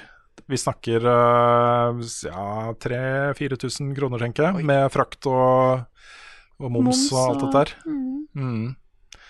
Så, men det, det føles som det er verdt det. Det er sånn, noe av det mest sexy jeg har sett. Tenk å ha den dingsen der, da. Så gå ut i gata eller sitte på T-banen og så spille liksom gamle Gameboy Color og Advance-spill, liksom. What?! Det som er jo trist, vet du, når du tar opp igjen de gamle cartridgene, er jo da at en del av de har jo dødt batteri. Å ja. Var det på i cartridgene? Ja, for save files. Det er jo en ting så Ah. jeg kan ikke få tilbake den eh, fantastiske eh, Pokémon Crystal-saven min. Den er gone. Ja. Så litt sånne ting, da. Det er trist. ja. Mm. Begynn på nytt. Ja, det går nok bra. Ja, men du kan ikke lagre det, for du har ingenting som Å, lager nei. seg. I det hele tatt? Mm. Jeg mistenker at de har en fiks for det òg, altså. Ja, ja, altså, altså eh, eh, Enten i den, men jeg vet jo at det går jo an å skifte batteri. Men du, Mm. det tapte er fortsatt tapt. Det er Tapt eh, evig, evig eies kunne tapt det. -hmm. Analog Pocket het den altså. Søk den opp, um, og kjøp den hvis du vil. Uh, gå litt kjapt gjennom resten av nyheten her. Uh, Modern Warfare 2, eh, altså campaign-delen, og Fall Guys blir gratis på PlayStation Plus i august. Fall Mhm. Guys er da det derre Ja, Ja, for det er da! Det er ikke jeg som tenker er feil nå. Nei, det Nei. er det. Oh. Japans gameshow Battle Royale. vi må Kan vi, kan vi ha en stream? ja, ja, ja, ja, Ja, takk. vi må ha en vi må bare ha en stream av det spillet. Fordi Ja, jeg har det er, Yes. Ja, det, det ser kjempegøy ut. Mm. Så eh, helt sjukt at det blir gratis på PlayStation Plus. Det har du sikkert fått masse penger for, det Devolver Digital, vil jeg tro. Men eh, Kaste herlig, penger altså. På. Mm, jeg tror Modern Warfare 2 tror jeg allerede er ute på PlayStation Plus. Det kan det kom uh, tidligere denne uka her. Mm. Det har kommet et par uh, The Witcher-nyheter, og da snakker vi om Netflix. Uh, hvor eh, det blir kjent at eh, for det første da, så blir de nok ikke ferdig med å filme sesong to før i starten av 2021 pga. utsettelser, eh, koronautsettelser og sånne ting. Men de har nå også signa en ny Witcher-serie som vil bli, bli en prequel. Du skal liksom få møte den første Witcheren. Og da, da jeg bare hørte det, så var det sånn Dette er jo en kanonbra idé. en origin-historie for The Witchers, liksom. Det er jo fantastisk. The first girl. Ja. Mm. Så er, jeg vet ikke om det er skrevet eh, Det er sikkert hinta til da, i bøkene. Men jeg vet ikke om det er, den historien er fortalt helt ut. Har ikke peiling. Det her kan bare gå til spill nummer tre, og der, der har den greia vært- Der har Witcher vært lenge. Mm. Og de lever jo så lenge òg, vet du. Så Mm. mm. Nei, men det er kult. Uh, fikk dere forresten med dere Henry Cavill som bygger PC i sommer? Ja. Jeg fikk med meg all the memes. All the memes. Å, det var magisk. Åh. Ja, det var utrolig bra, altså. Det var utrolig bra. Liksom, uh, ja Veldig mange kule memes også. Åh, jeg, jeg så et sånn bilde hvor det sto bare Her har du en sånn der, Et galleri av kjendiser, som- kjendiser som holder sine nyfødte unger, ikke sant? Og så holder han bare Superheroes. skjermkortet sitt. Ja. Superheroes, ja, så holder Henry Cavill skjermkortet til PC-en. Uh, åh. Ja, og det er så bra, fordi blikket hans er sånn der Det er det blikket man har når man ser på noe, og så noe skjør, det skjøre lille barnet sitt, liksom. ja, det var helt herlig, altså. Yes. eh, det er like før det kickes i gang en eh, beta av Marvels Avengers-spillet. Eh, og den første betarunden den startes eh, den 7. august. Og det vil da være to dager med testing eh, på PlayStation 4 for de som har forhåndskjøpt. Så to dager eh, der. Og så da, mellom 14. og 16. august, så eh, får alle PlayStation-spillere tilgang. Pluss de som har forhåndsbestilt på Xbox One og PC. Og så fra eh, 21. til 23. august så er eh, det åpent for alle. Så det blir en åpen beta for alle før lansering. Og det, er, det kan slå begge veier, det også. Det Ja. kan være enten sånn Nei, hvorfor skal jeg gidde å kjøpe det spillet her? Eller bare sånn Å, shit, dette gleder jeg meg til å kjøpe fullversjonen av. Mm. Fordi dette spillet her har et sånn level-system. Du kan levele opp ganske mye, liksom. eh, og få masse sånne skill trees og sånt på de forskjellige uh, aventurene. Um, men det er begrensa i betatesten. Du kan bare levele opp til sånn og sånn mye per karakter, liksom. Uh, og bare tilgang til så og så mye av oppdrag og osv. Så, videre. så uh, ja, enten så er det sånn at de skal vel, liksom finne ut selv da, hvordan de skal få dette her til å bli gøy, og så utvikler det. Eller så er de så sikre på at dette her blir fett, at de eh, tenker at eh, de bare kan tjene da, på å gi folk tilgang til såpass mye. For det vil være mye content. Mm. Mm. Det blir spennende å se. Mm. Uh, Embracelet, det norske eventyrspillet fra Mattis Folkestad, um, har fått eh, lansering da i september på Switch og PC. Og dette er jo da mannen bak eh, Milkmaid of the Milky Way. Denne overraskelsesbomben fra eh, som slo ned, i norsk spillindustri. Mattis er en sånn herlig figur også, fordi han, eh, han jobber jo med helt andre ting i NRK. Han sitter og jobber jeg tror det er på NRK Beta som programmerer. Lager nye tjenester og sånne ting. Han hadde bare lyst til å lage et spill, så lagde han et spill. Det ble populært. Han Lager et nytt spill. Det er ikke noe snakk om å liksom ansette folk eller å bygge et studio eller noe sånt. Dette er bare noe han trives med å gjøre på fritiden sin. Da. Jeg syns det er helt herlig, altså. så, så er det jo veldig norsk, da. Første spillet var det jo en budeie i hovedrollen. Mm. Nå er det en vennegjeng i Nord-Norge som um, så, er veldig mye sånn norsk natur og, og sånne ting. Så, så det gleder jeg meg til å spille. Og så nevner jeg bare helt eh, kjapt til slutt at den første teaser-traileren til Earthlock 2 fra det norske selskapet Snowcastle nå har kommet. Og jeg syns det var en innmari god teaser-trailer. Jeg vet det minte meg om et eller annet som jeg ikke helt klarer å sette fingeren på. Men eh, litt den derre litt sånn Zelda-fil. Hvor du kommer til en verden, og du, du har sånn kamera som kjører gjennom den verden. Det ser uh, veldig vakkert ut, og så kommer du til noe som vokser til å bli liksom noe stort. Så ser du en karakter Og så, ja. Den, den hadde liksom Som en teaser, så var det en veldig god teaser, da. Det minte meg om Prince of Persia til PlayStation 3. Ja, det kan stemme. Sånn litt den uh, visuelle stilen og sånt, ja. Mm. Mm. Nei, jeg, jeg, har, eh, jeg har tro på at det kan bli et veldig bra spill også. Quick, quick, quick, quick, quick, quiz. Og quiz er her, den kommer nå. Alle blir mega store og små. Quiz, Rune. Blir det quiz? Ja, det blir quiz. Herlig. Vet du hva, Eh, vi, vi savner jo Carl veldig nå. Mm. Og så eh, det er eh, Han har en velfortjent ferie, selvfølgelig. Men eh, siden han ikke er her, så tenkte jeg ok, la oss nå prøve å ha ånden til Carl med i denne episoden av podkasten. Mm. Så jeg har prøvd meg på da å lage uh, en quiz basert på de der rare quizene hans hvor han sier et eller annet, og så skal du finne ut hvilket spill det er, ikke sant? Ja, du har prøvd på et sånt en, ja. Jeg har Er flere- sånn. Er det flere sekk i ro? Er det, er det da Men vi får se, vi, Ja. på- vi får se da. Jeg, jeg er veldig usikker på om jeg har klart å treffe, for han er mester på dette her. Jeg tror ikke den her er like bra, bare så det er så nevnt da på forhånd. Og så er den kortere, det er ikke like mange, mange spill. Men det er en quiz, og vi skal telle poeng. Det er bra. så vanskelig. Jeg finner fram Ja, Ja, er dere må, det, er du- dere må det, ta ansvar for å telle deres egne poeng. det er veldig greit, fordi det er du som er god på dette, Rune. Så nå når du har quizen, så har jeg en sjanse, men så er det mot Nick, og da har jeg ikke sjanse lenger. Så vi får se hvordan dette går, men jeg er klar. Ja. Poenget. Ja, og så Utgangspunktet er da at jeg skal beskrive et spill på en litt annerledes måte, og så skal dere gjette hvilket spill det er, basert på det jeg sier. Ikke sant? Ok. uh, og når, uh, hvis dere vet svaret, så sier dere bare navnet deres.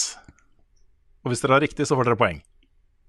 Ja, det er ikke så veldig komplisert, egentlig. Vi begynner med noe sånn litt eh, enkle Ikke enkle, men um, Lett blanding. Hva skal vi si? Lett, lett blanding. Vi, vi tar det mest kompliserte til slutt, Ja. Ok. var det jeg prøvde å si. ok. Hva blir man hvis man fylles av ærefrykt i tåke?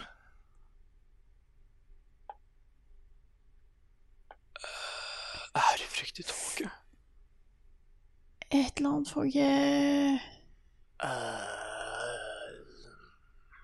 Og hva er ærefrykt igjen, da, fader? Nå sitter jeg helt støk her. Eh, nå blir det engelsk. Det er ikke, det er ikke sikkert det er direkte oversatt, da. Det er okay. bare sånn I tåke. Sånn, mm, Ærefrykt i tåke.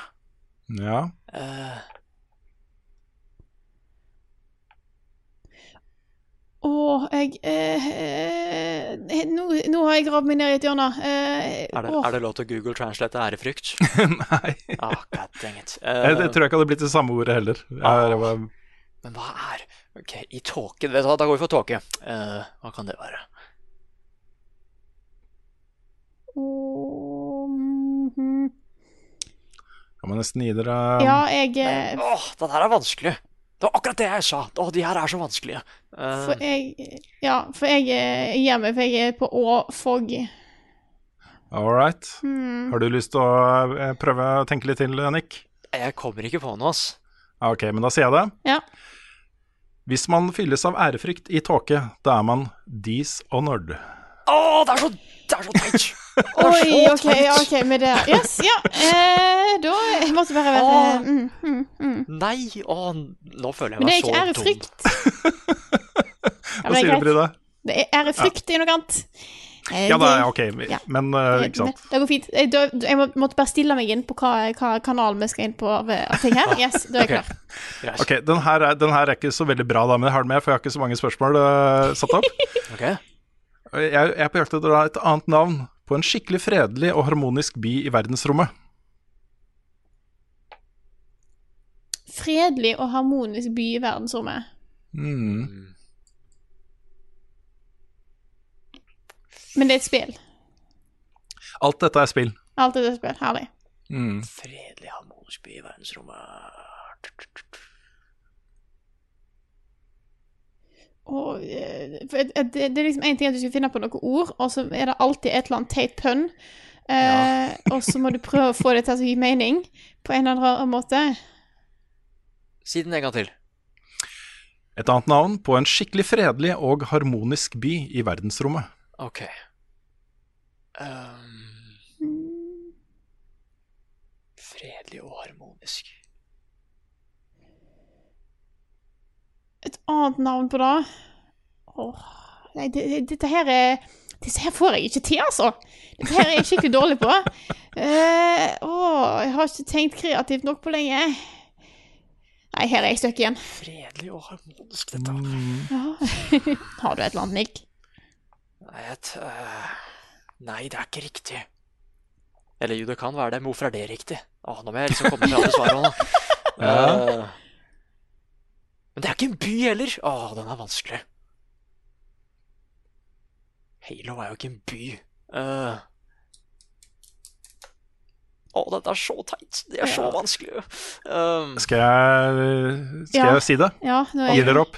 Ja. Ok. Et annet navn på en skikkelig fredelig harmonisk by i verdensrommet er da altså Star City Sen nei, Nei, Rune! Teit. Vet du, det er ikke greit. Åh, Ok. Åh, ja, mm. Jeg har litt igjen å gå på for å finne rett frekvens her, merker jeg. det er Yes. for mange lag her, altså. Det er, Ja, ok, ok. Jeg har det, jeg, nå koser jeg meg, da. Jeg Ja, ja, ja, ja, jeg òg. Helt nydelig. Ja. Ok, er dere klare? Ja. ja. Hvis bondens storfe og fjørfe blir skikkelig gærne, hva har bonden fått da? Hvis bondens storfe og fjørfe blir skikkelig gærne, hva har bonden fått da? Hva har bonden fått, da? Oh. Uh, Storfe. Dette vil jeg si er den som, uh, som uh, gir mest mening av alle. Ok, Mm. storfe. Gæren. Nei, hjernen min er kobla helt feil til det her, ass. Det er eh, oh. storfe. Kan du si den siste gang? Ja. Hvis bondens, bondens storfe og fjørfe blir skikkelig gærne, hva har bonden fått da? Ok. Eh, Frida. Frida, vil. det er ikke riktig. Er det ikke rett? Nei, men det var, var pinadø også. Det kunne Ja. det vært. Ja, det kunne det. Det syns jeg. Jeg, det um, Vet du hva? Du, du får, et, uh, får et halvt poeng for det, da, siden det ikke var akkurat det jeg hadde tenkt på. Takk. Et Jeg er halvt, Et halvt poeng til Frida. Takk. Ok.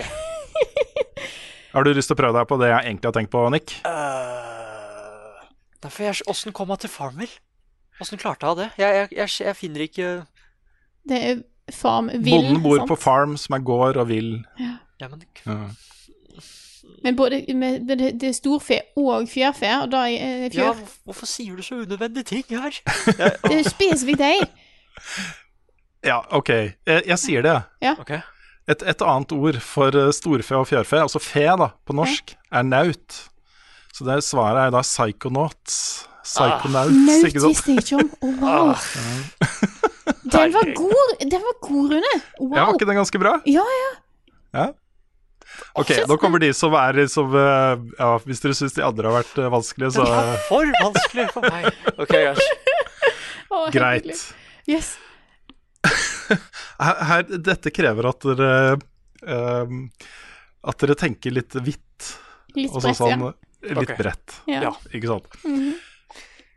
Når en tommestokk på 100 cm prøver å jukse for å bli lengre, hva har du da? Når en tommestokk på 100 cm prøver å jukse for å bli lengre,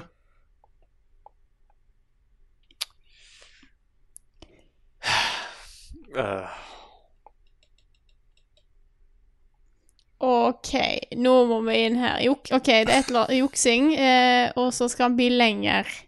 Han sier noe tall. Jeg kunne ha valgt kanskje da, for å gjøre det litt lettere, Ja. istedenfor lengre, så kan man også tenke større. Ok. Sånn, det gjorde det enklere. Hvis det er uh, lengre, prøver å jukse.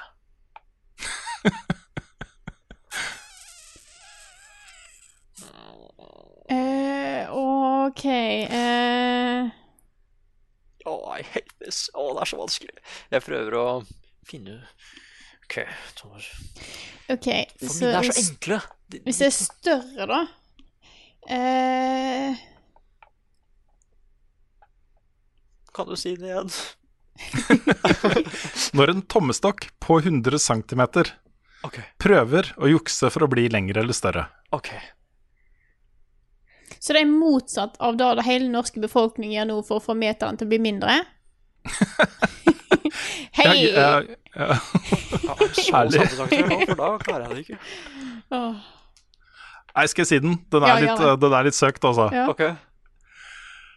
Når en tommestokk da på 100 cm, som da også er 1 meter, ikke sant, eh, prøver å jukse for å bli lengre eller større, det er en metroid. Roid steroids, metroids OK, da var langt forbi var. Oi, oi, oi, oi. Jeg lurer på vinneren av den quizen her blir meg, altså. Nei, for jeg har et halvt poeng! Ja, det har det. det har det. Ok, nå er det den aller siste, okay. og den dummeste. Den Og dummeste jeg- av dem alle. Da kan jeg tape. Ja, men jeg må steppe opp. Mhm. Når man suger fra spenene på en ku alt, altfor hardt, da har man OK.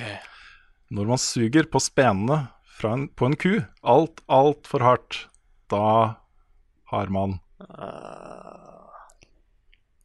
oh, jeg, jeg ler ikke av det heller, for dette er, dette er så seriøst nå. Hva kan det være? Nå er det big eh, serious her. Ja, vi er profesjonelle, ikke sant? Um, hvis du suger for hardt. OK. Det er, det er noe, det er noe lure tankeganger som må til for å komme fram til disse greiene her. Eh, jeg kan ikke få med at du har kost deg når du har lagd disse her, Rune. Det var ordentlig gøy. Ja. Fordi jeg har liksom ikke noe sånn Ting pleier å være så lineært. Jeg veit ikke hvor jeg starter den her. Det er litt sånn Jeg tror det er sted å si det, altså. Ja, jeg tror du må det. Dette her tror jeg ikke jeg eh, Ok, Ja. okay. Vinneren av eh, min aller første dustequiz ble da Frida med et halvt poeng. For Farmville er det, det kunne vært Farmville. Jeg ser det også, det kunne vært Farmville. Um, men da uh, Når man suger fra spenene på en ku alt, altfor hardt, da har man Diablo. Hva er hennes best, hvordan frida fredag sist? Har Carl egentlig sopp? Ukens spørsmål.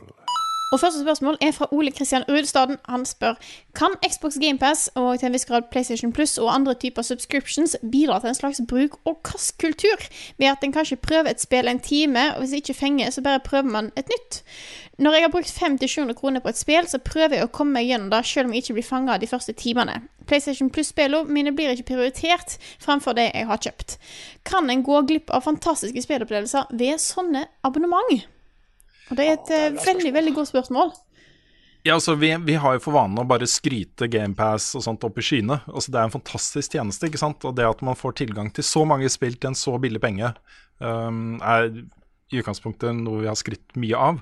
Så det perspektivet syns jeg er ganske interessant da, å ha med i betraktningen der. Um, sammenligningen for meg da blir jo uh, Steam-biblioteket mitt, hvor jeg har 300-400 spill eller noe sånt. Som jeg har kjøpt på salg en eller annen gang. ikke sant? Tenker, Dette skal jeg spille, og så ligger det der, ikke sant. Ja. Um, men um, jeg, jeg tenker han har et poeng. Jeg, jeg tror det nok kan skje. Hvis du, er, hvis du abonnerer da på, på um, GamePass, så er det ikke sånn at du automatisk blir en sånn derre uh, feinschmecker, spill-feinschmecker, og tester alle de tingene som du vanligvis ikke kanskje ville ha turt å satse på, bruke masse penger på og sånne ting. Det kan nok, Mange vil nok oppleve det som at ok, du spiller da de vanlige spillene, de du ville spilt ellers. Du spiller Halo Infinite, og så spiller du kanskje COD, og så spiller du et par spill til eh, i løpet av et år. Og så er det da 300 spill du ikke har spilt, uh, som du har lyst til å spille, eller som ligger der, liksom. Men jeg tror samtidig, da, at uh, noen av disse spillene, som man da kanskje tester en time eller to, vil ende opp med å fenge deg så mye at du fullfører dem, og at du ikke ville ha gjort det hvis ikke du hadde fri tilgang til det. Det blir lettere å plukke opp fordi du ikke har betalt for det. Så det er større sjanse for at du finner noe du kanskje ikke ville valgt ellers. Eh, Mm. Så den, den positive sida der ser jeg jo definitivt. Ja, fordi vi får jo litt tilbakemeldinger fra, fra seere og lyttere og sånt, hvor de sier at uh, alle de anbefalingene vi kommer med, har gjort til at de har prøvd spill de normalt sett ikke ville ha uh, spilt. Og det er noen av de hyggeligste tilbakemeldingene jeg får, da. Uh, når jeg ser liksom folk spille ting som vi har snakka varmt om pga. vår anbefaling, og ender opp med å elske det, ikke sant. Og den type abonnementstjeneste gjør jo da tilgangen til mange av disse spillene veldig lett. Eh, Du har allerede betalt for det. Du trenger ikke å gjøre anstrenge deg mer enn å bare laste det ned, liksom. Så har du det. Um, det jeg, jeg mener fortsatt det er positivt, da.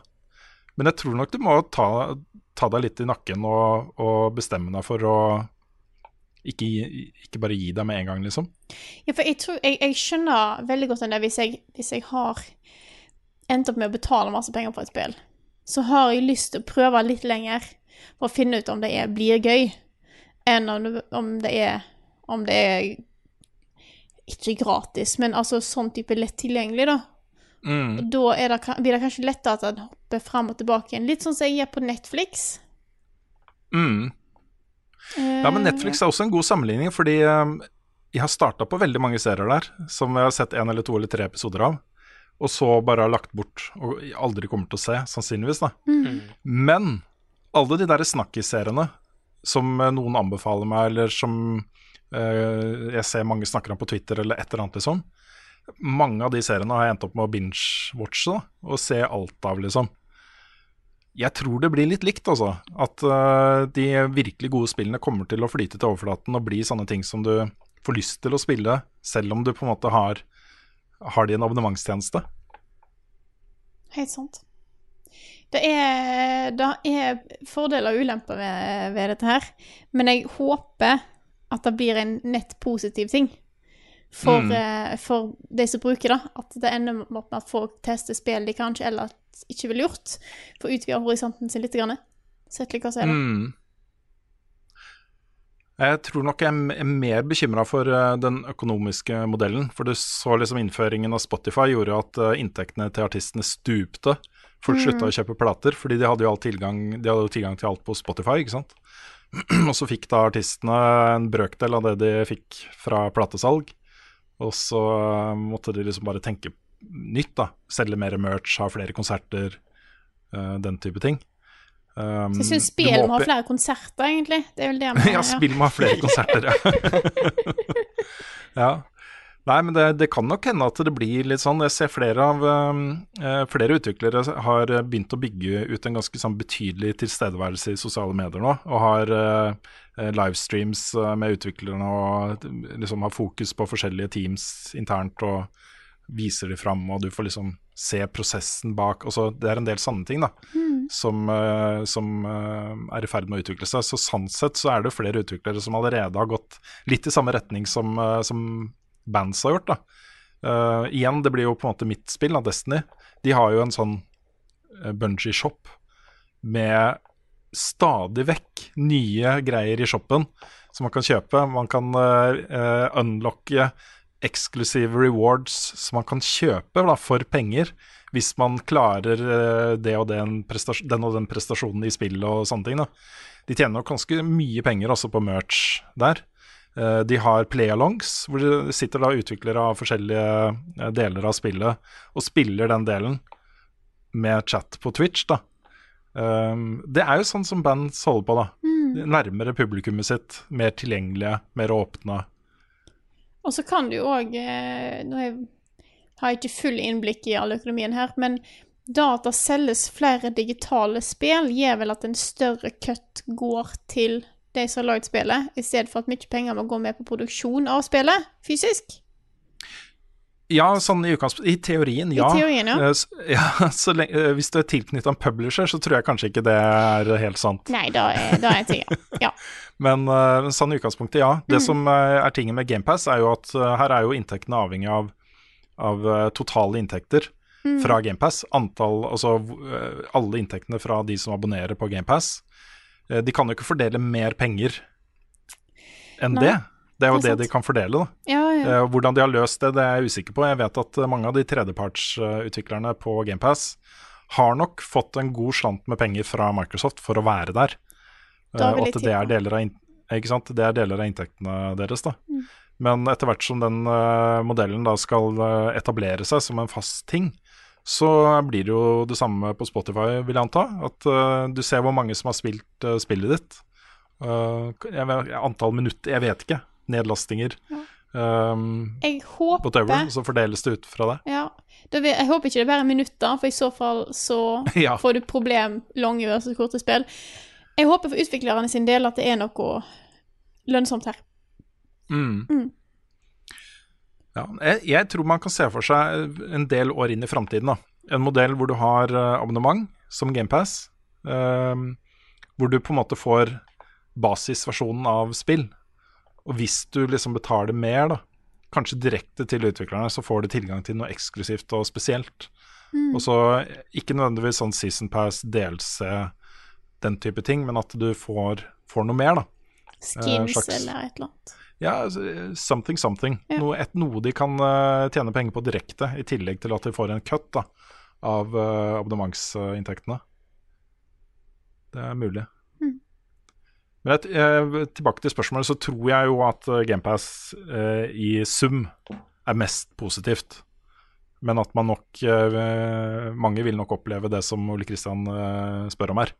En litt sånn derre ja, ja, bruk og kast teste det litt. Jeg fenga ikke 100 så da prøver vi noe annet, osv. Det kan nok skje, altså. Mm. Hm. Skal vi ta et spørsmål til? Ja, vi kan vel ta et par til. Det blir lang podkast, dette her, men Ja, ja, men da, eh, da, da stopper oss ikke.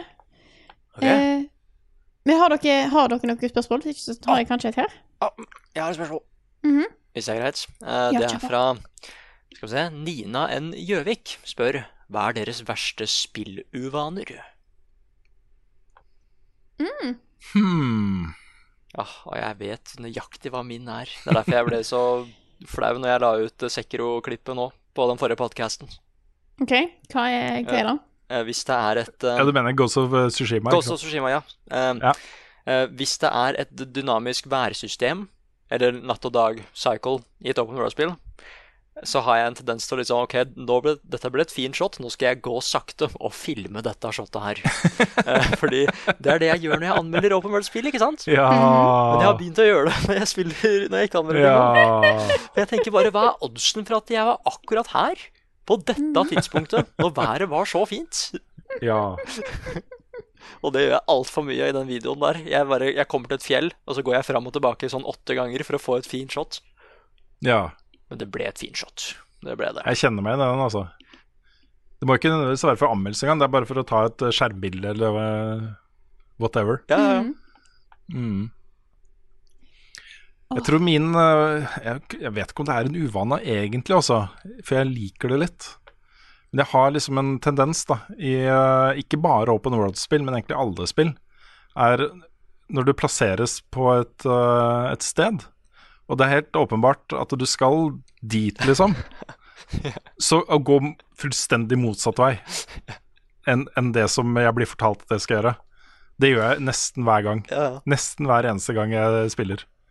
Alle 2D-plattformer, så må jeg gå til venstre først. Det er så herlig, vet du, i limbo. Da får du jo en, eh, en trophy slash achievement for det. det er kjempekult. Ja, det, det, det må jeg bare gjøre, altså. Jeg kan ikke, jeg kan ikke la være.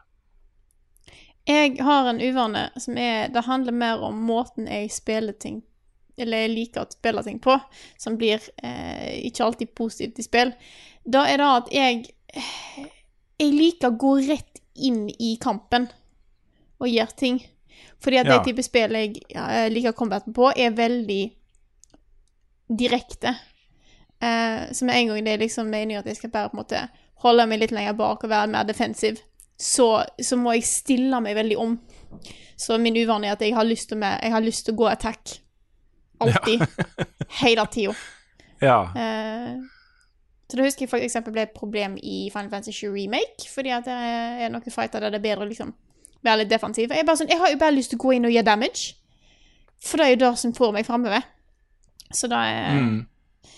Da er Da må jeg av og til liksom være sånn OK, nå må jeg faktisk le eh, tenke litt mer på hvordan dette faktisk skal spilles. Så det er en eh, liten liten uvane. Mm. Det er det jeg kommer Yes, kan jeg ta et eh, spørsmål? Ja, jeg kjør på. Fra Vegard Lindland. Eh, det her syns jeg var litt morsomt. Skal vi se. Jeg har, du har nå nylig fått høre gjennom hele podkasten som ligger ute på Spotify. Jeg la merke til at dere i hvert fall tidligere sa 'hell yeah' relativt ofte. Du sier 'hell yeah' ganske mye, Nick. Ja, jeg gjør det. Ja, jeg hadde håpet yeah. du skulle svare med Helge. Hell Ja. men ja. nei, å, det, å, det hadde vært et perfekt øyeblikk, altså. Satt Det hadde og- det. Å, beklager, men ja, hell yeah, jeg gjør det. Sorry. Ja. Uh, Vegard skriver da Etter å ha spilt uh, Hell Yeah, Wrath of the Dead Rabbit, har jeg endt opp med å tenke Wrath of the Dead Rabbit hver gang noen sier Hell Yeah. Jostein i Radcrew sier også mye Hell Yeah. Eller Radcrew generelt sier mye Hell Yeah, tror jeg. Hell yeah. Um, spørsmålet er da, har dere noen slike ting selv, der dere føler for å gjøre ferdig det noen starter på, selv om det absolutt ikke var det samme de hadde i tankene? Jeg kan jo begynne, fordi jeg har en. Eh, når noen sier eh, easy breezy, så må jeg si lemon squeezy. det er en gammel reklame. Nice. Easy breezy, lemon Nei, Ja. var den? Easy breezy, lemon squeezy? Nei, e- easy Det høres breezy. Nå ble jeg usikker. Easy-peasy lemon squeezy. Easy peasy, lemon Ja, breezy. jeg ble- for jeg Easy ble- jeg peasy, lemon breezy. Ja. Ja, easy peasy, lemon breezy. Fra noe sånn der sjamporeklame eller noe sånt. L'Oreal, tror jeg var det. Nei, ikke L'Oreal. Et eller annet sånt. Jeg har mange, men jeg kommer ikke på noe nå, vet du. Men alle er sånn obskur, rar, eh, kanskje anime-referanse eller et eller annet sånt. Så, så jeg, må bare, jeg må ta det inn i hodet mitt. Ja. Eh, for jeg kan ikke si det ut høyt, for da blir det rart. Jeg har en, og den tror jeg jeg kunne begynne Jeg, jeg begynte å liksom se den ut høyt her hjemme, for jeg tror jeg fikk Petter til å se den animen. Uh, og da ser han fortsatt rart på meg, for han kan ikke huske den ene rare scenen som jeg har hunget meg opp i, for jeg har sett Ja. serien sånn fem ganger. Eh, men nå husker jeg ikke akkurat hva den kvoten er, og det irriterer meg noe grenseløst. Jeg skal tenke litt. Hvis du har et eller annet nikk, så skal jeg, Jeg, jeg eh, å komme Jeg veit at jeg gjør det mye selv, men jeg har ikke noen sånne bestemte eksempler på det. Det er vanskelig spørsmål å ta on the spot, da. Ja, så jeg burde kanskje tenkt på det. Siden jeg hadde en, så hadde jeg lyst til å svare på den. Men uh, det, er, det er ikke så lett å komme på det, tror jeg. Jeg holdt på å si ja, Hvis noen plutselig leser en artikkel, og noen skriver, skriver 'I wonder why', og da må jeg fullføre det i en sang, f.eks. Med Lemon Tree. Mhm. Ja. Men det er liksom den eneste. It's My Life, den er også der. Veldig mange av de er sang, basert på sanger, det jeg tenker meg litt om nå. Ja, men Mm. dette, å, jeg har jo så mange. Nei, for jeg vet, jeg vet at det ene jeg har fra, er fra Orane High School Horse Club. Jeg bare husker ikke hva av sitatene For jeg prøver å komme på det ene sitatet, for jeg må, jeg må bare finne ut hva ord det er som trigger det. Eh, for jeg har flere der, men eh, åh. Men det, det er så, så obskur ennå med at det er liksom Det er derfor det blir et problem. Mm. For jeg har lyst til å ta den referansen, og så er det bare ingen! Ja, men han, det, det er jo litt interessant, det, fordi eh, han eh, Vegard lurer jo også på om noen av oss har prøvd Wrath of the Dead Rabbit. Og det er sånn, Jeg har ikke hørt om det spillet engang. Nei, ikke jeg heller. Så eh, ja. Så obskur eh, referanse, det også, kanskje? Eller er det bare vi som ikke følger med? Det kan hende, det også. Ja, det kan det. Men kanskje Mm. nå framover, med en gang jeg, på en måte, det kommer sånne type At vi kommer på sånne referansegreier, så må vi jo bare si det høyt og si at dette var en sånn referanse som vi snakka om i Mm. podkasten, eller et eller annet. Derfor. Ja, ja, for jeg driver og tenker over det nå. Det Mm, mm. skal jeg ha det i bakhuet og skrive om det. Ja, det er Gjør så det. interessant, fordi det skjer nesten hele tida. Mm. Ja, det er sant, det, altså. Kan jeg ta et spørsmål til? Ja, jeg, jeg vil ha et, men du kan ta et først. Ok, da er det sikkert det samme som eh, du har valgt, eh, Frida. Det er helt Eh, sånn, eh, ja. Fra Kenneth Fredriksen. Ikke da. Ok, greit. Bree Larsen ønsker å spille Samus Aran. Eh, jeg er fortsatt usikker på Er det Shamus eller Samus? Jeg er ikke Samus. Samus, det er det de sier i Smash Bros, i hvert fall. Det er det de sier i Smash. Ja, ok. I Metroid-film, hva syns dere i Level Up om det? Og jeg har ikke tenkt, på, ikke tenkt tanken om at Metroid hadde vært en kul film før jeg hørte at Bree Larsen hadde lyst til å være Samus. Ja. Det var første gang jeg tenkte det er, ja, hun er jo perfect Mhm. til den rollen. Og det kunne blitt kult, da. Ja, jeg er helt enig. For det er liksom, det er en, det er en skikkelig stilig karakter fra før av, og det er ganske stilig univers òg. Mm. Jeg kan lett få til noe alien-lignende greier, hvis du vil ta den retningen, eller bare noe mer badass-aktig. Her har du mange muligheter. Ja, ja, ja. Det eneste som er, det, det som har gjort meg skeptisk da, til, eh, til en film basert på Metroid, det er jo uh, Metroid M. Hvor de da skulle lage en historie for første gang, hvor det var dialog og rollefigurer og det skjedde ting og sånt. Og så noe av magien til disse spillene har for meg da vært at uh, historien er så minimalistisk. At det bare du er på den og den planeten. Det er Mother Brain. Bare knock yourself out. og så i Metroid Prime-spillene så kunne du liksom skanne ting, da. Og få sånne law eh, nuggets gjennom hele spillet, men det var ikke noe sånn Du ble ikke fortalt så mye. Og det er, eh, det er veldig unikt for spill, da. At uh, bare den tilstedeværelsen er nok til at du føler du spiller en god historie. Mm. Det overføres ikke så lett til film, altså. Nei, Det å lage en historie basert på det er ikke så lett. men jeg bare ser for meg noe sånn Annihilation-aktig film. Mm. Ja, for det er litt som å gjøre det samme med Doom. Mm. Er- Helt enig, Nick. Men, men du er veldig Det er litt flink, det samme så jeg hadde, jeg hadde ikke sagt nei. Nei, jeg, t jeg tror du måtte ha lagd en sjukt fet sci-fi-historie som ikke nødvendigvis har noe med Metroid å gjøre i det hele tatt, men som bare bruker law-elementer fra Metroid-universet uh, som en del av historien. Mm. At det er liksom uh, uh, Space Pirates og eh, Mother Brain og sånne ting liksom som du kjenner igjen fra Metroid-universet, men som ikke nødvendigvis er liksom ja, jeg tror ikke jeg ville likt å se sånne lange plattformsekvenser, og at hun lager plattformer av uh, avis og, og um, hopper med blir en ball. bare blir en ball, litt, liksom. ja, For, for, altså, det som er tingen, at for at de skal få det til å være kult For jeg eh, har jo prøvd meg på eh, de, Jeg har jo spilt de fleste, i hvert fall, 2D Metroid-spillene. Fordi det er det jeg klarer å spille fysisk.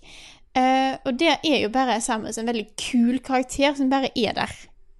mm, Eh, så jeg, jeg vil ikke ha noe nødvendigvis noe veldig sånn klisjéfylt superheltfilm.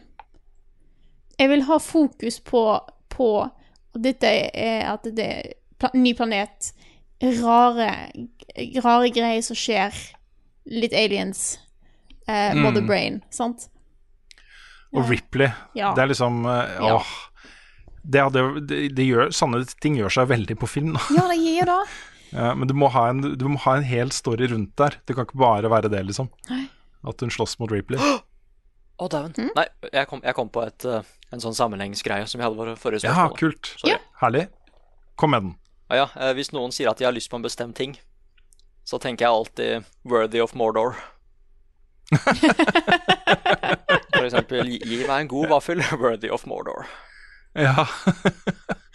Herlig. Beklager, altså. Nei, nei, nei. Nei, nei, nei, nei, det var jo veldig bra.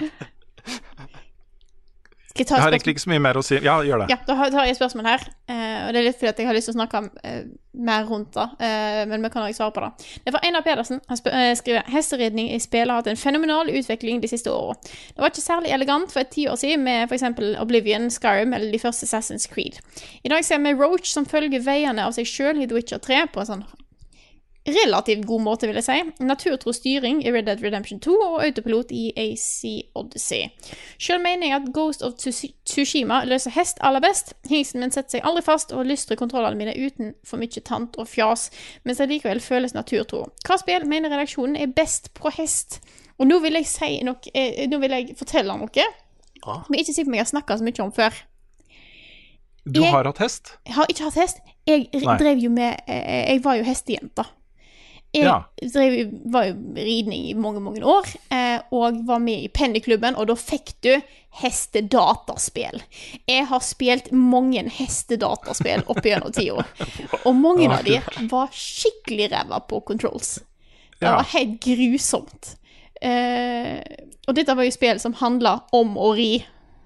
Mm. Eh, men dette er jo ganske mange år siden. Så jeg vil, òg også si at jeg er veldig fornøyd med utviklinga av hesteridning i spill.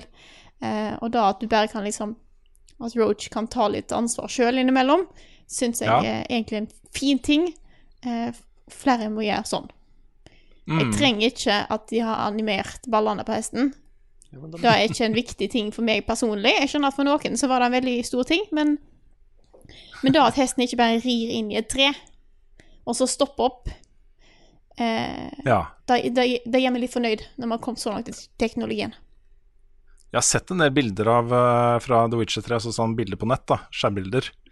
av eh, Roach på hustak og sånne ting. Roach er veldig dyktig hest, vil jeg si. Det er en sånn, eh, sånn allround-hest. Egentlig all terrain-hest. ja. ja. Jeg har faktisk ikke fått noen har- glitches der. Jeg har fått noen rare bein på han som stakk litt sånn der opp i, i kroppen okay. på, men ellers var det, har det vært veldig lite opp på hustak. Jeg er egentlig litt skuffa. Mm. Ja, min Roach er altså ganske vanlig. Et godt eksempel der er jo forskjellen mellom Shadow of the Colossus, originalen, og remaken. Fordi det er jo et par eh, områder, i hvert fall ett område i eh, det spillet, hvor du skal gjennom en skog, hvor trærne står ganske tett. Og i originalen så var jo det Burde nesten bare gå av hesten. Fordi den stanga jo absolutt alle trærne gjennom hele den skogen. og du, han begynte å snu seg skulle gå en annen vei, og ah, det var helt kaos. Men i eh, remaken så er det jo veldig bra. Jeg tror de har eh, satt trærne litt lenger fra hverandre og lagt inn en litt større sti og eh, hatt litt bedre hit detection og smartere eh, AI på hesten, da. Men grunnen til at jeg nevner det som eksempel, er jo at eh, Agro i det spillet er jo min favoritthest i noe spill ever. Fordi du blir så knytta til han, og det er jo mye fordi det er jo ikke så mange andre figurer i det spillet. Nei, det er sant. Eh, Det er deg og Agro, liksom, i, eh, i det landet her. Han blir jo din følgesvenn. Også et, nesten et slags kj- kjæledyr, eller en bror, på en måte. Um, så når uh, Ja, det Nei, ikke, jeg, jeg, jeg har fortsatt ikke spilt det ferdig. Du har ikke det, nei. Nei. Så, men det, men det, er, det er det jeg liker, da. At, uh, at uh, det blir en skikkelig, skikkelig companion. I sånne spill som Assassin's Creed Odyssey og Ghost of Tsushima og osv., så, videre, så er det bare et verktøy for å komme meg fra et sted til et annet. Uh, og et bra verktøy. Jeg elsker å ri på hest i spill, da. Men jeg kjenner at I could not care less hva som faktisk skjer med den hesten. Ja, for jeg er glad Så- i Roach. Roach. Ja, er du det? Ja, ja da. For Roach er liksom for For, eh, for uh, uh, Geralt snakker liksom om Roach innimellom. Uh, og det er, det er Ikke så ofte. Men det er liksom Det er Roach. Det er spesifikt, Mm. den hesten. Det, det, så den er jeg litt Jeg er litt glad i. Mm. Ja, det var jo hest i, i The Last of Us Part 2 til og med. Og Part 1, selvfølgelig. Ja, stemmer det. Ja. Det er sant. Mens jeg var veldig Jeg ble skikkelig knytta til høsten min i Ghost of Tsushima. Mye fordi du også kan gi den navn på starten. Eller ikke kan, Ja. du må gi navn. Men valgte ikke jeg alle svart og skygge, da? Ja, og da, da, derfor var jeg nødt til å Jeg var nødt til å ta den grå hesten. For det var liksom enten Ja, okay. hvit, sort eller grå. Bare, det er, er Pokémon-regelen. Hvem her er det som ikke får et hjem, da? Så da måtte jeg ta den grå. Mm. Uh, Ja, det var uh, godt tenkt av og så, så kalte jeg den for Nobu. Hesten Ja. Nobu. Um, og jeg liker Mm. liksom bare Nobu er til stede hele tida. Hvis du liksom løper og du roper på Nobu, så dukker han opp, og i en fin, smooth bevegelse så bare hopper du på Nobu og fortsetter. Mister ikke noe Ja. momentum eller noe sånt. Nei. Eh, Nobu tåler fall damage, thank god. Det har vært noen sånne øyeblikk hvor jeg liksom skal hoppe ned en sånn liten fjellkant, men så er det plutselig enda lenger enn det jeg trodde det er. Da får jeg helt panikk. Jeg har slått Nobu altfor mange ganger fordi jeg trykka på trekant. Det er ikke sånn du går på hesten. Det er ikke det. Nei, men han, han tåler mye, heldigvis. Men så likte jeg det at eh, når du ikke har eh, Når du er langt unna hesten, eh, og du løper mye, så kan det hende at hovedpersonen driver og nevner det. Bare at fa, da skulle Nobu vært her? Åh, jeg er så sliten. sånn sånn, ja. Men jeg må nok si at den beste hesten fortsatt er kanskje Red Dead Redemption 2. Mest fordi at uh, der er det permadeath på hesten. Hvis du ikke klarer å redde den. Ja, Hvis den blir skikkelig skada og sånn. Og jeg skal si at jeg krasja med hesten hvis jeg var den som styrte feil. Hvis jeg lot hesten Mm. gå, så krasja den ikke av seg selv. da Nei, han gjør ikke Og så har jeg den at hvis hesten detter på sånn der uh, ujevnt terreng, eller sånn, så skal jeg ikke bruke hesten der. Hesten er jo ikke liksom Kan ikke løpe overalt. Det er Nei. ikke Skyrim-hesten som kan gå opp fjellet og sånn. Så jeg vil jo si at selv om den er litt sånn kronglete av og til, fordi det er jo en hest. Det er jo et levende Mm. dyr, ikke sant? Derfor vil jeg nok si at den er, den er den beste. Jeg ble så glad i de hestene, ass. Vet du hva, Jeg må si meg enig der også. Og det er jo litt fordi eh, Jeg hadde jo spilt en stund, og så hørte jeg om den der hvite Mustangen. Ja, ja, ja. Mustang, var det ikke det? Jeg tror det. Jo, jo. Nei, Ja, Arabian som var liksom- et eller annet? Nei, ja, men en, en, hvit- en Jeg helt husker hvit ikke. hest. Ja. En helt hvit hest. Helt nord, ikke sant. Veldig vanskelig å fange og alt dette her. Mm. Beste hesten i spillet. Ja. Ikke sikkert det er en jo- eh, Mustang, men Mustang er vanlig. Ja, jeg, jeg tror ikke det var Mustang Men uansett, da. Uh, jeg brukte jo sikkert en time, uh, halvannen, kanskje til og med nesten to timer på å fange den hesten. Fordi den er vanskelig å fange, og i tillegg da vanskelig å temme når du først har fanga den. Den er jo kjempevill, ikke sant. Og dessuten så er det ulver der oppe, og det er en legendary bjørn, og det er masse greier, da. Så det var første gangen jeg var der. Jeg var der for å finne hesten. Og ble bare fanga i en sånn greie. Alt skjedde, ikke sant. så um, eh, det, Til og med en sånn derre dels, eh, Ikke delses, en sånn eh, NPC du skal fange der oppe, som har gjemt seg der, er det ikke det? Jeg tror det. Ja, En sånn sharpshooter challenge eller noe sånt, kanskje? Et eller annet sånt, Ja. Så det var liksom den ene tingen etter den andre. Og til slutt, da, når jeg dro derfra med den hesten, så var jeg for det første superhappy for at jeg fanga den. Den var jo så vakker. Ja, En araber flott var det, forresten. En araber var det selvfølgelig, en araber. Uh, så vakker og fin å ri på. Jeg hadde til, før, fram til da så hadde jeg ridd på sånn war warhorse.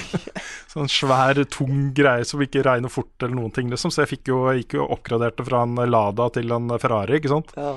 Um, og den hadde jeg med hele spillet. Jeg klarte å holde den i live hele spillet. da Og Det var jo fordi jeg var dritstressa på at det skulle gå galt med den. ikke sant? For det var bare én av dem. Ja, det ja. fantes ikke flere. Du kunne kjøpe en svart en da ganske seint i spillet, uh, som, var, uh, som hadde omtrent samme stats.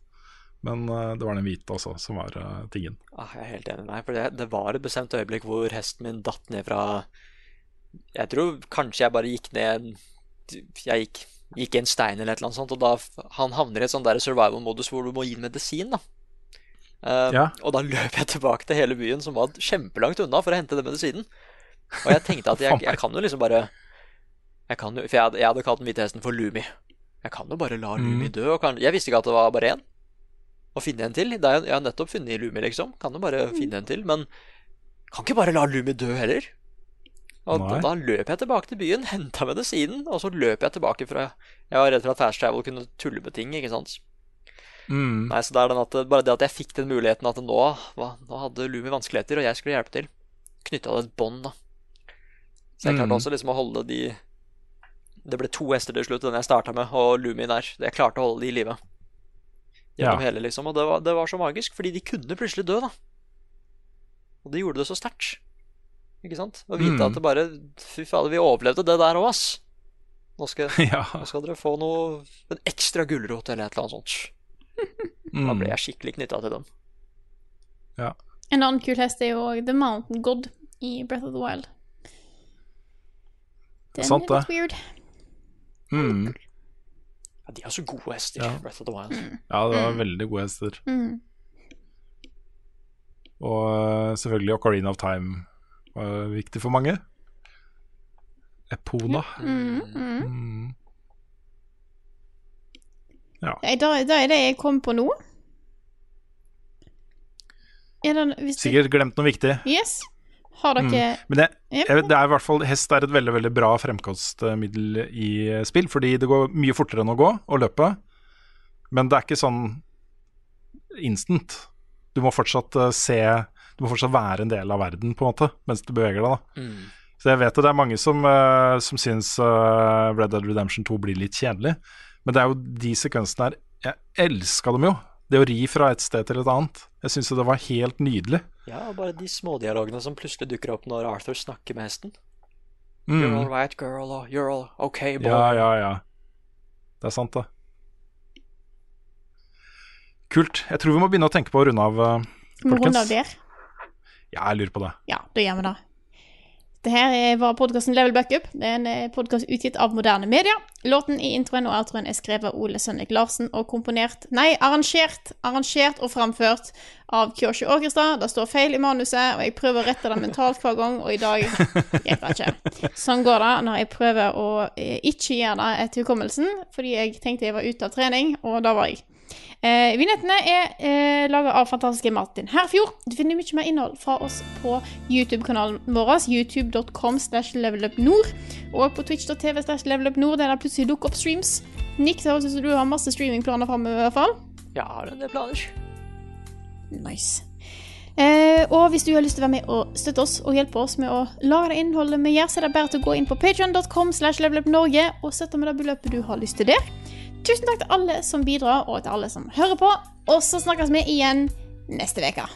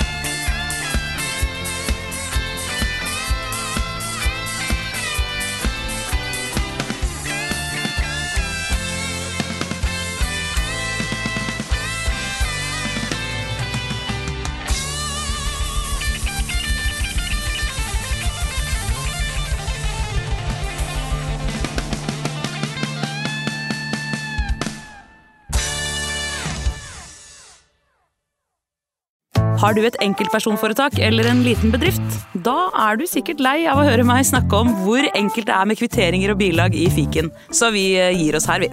Fordi vi liker enkelt. Fiken superenkelt regnskap.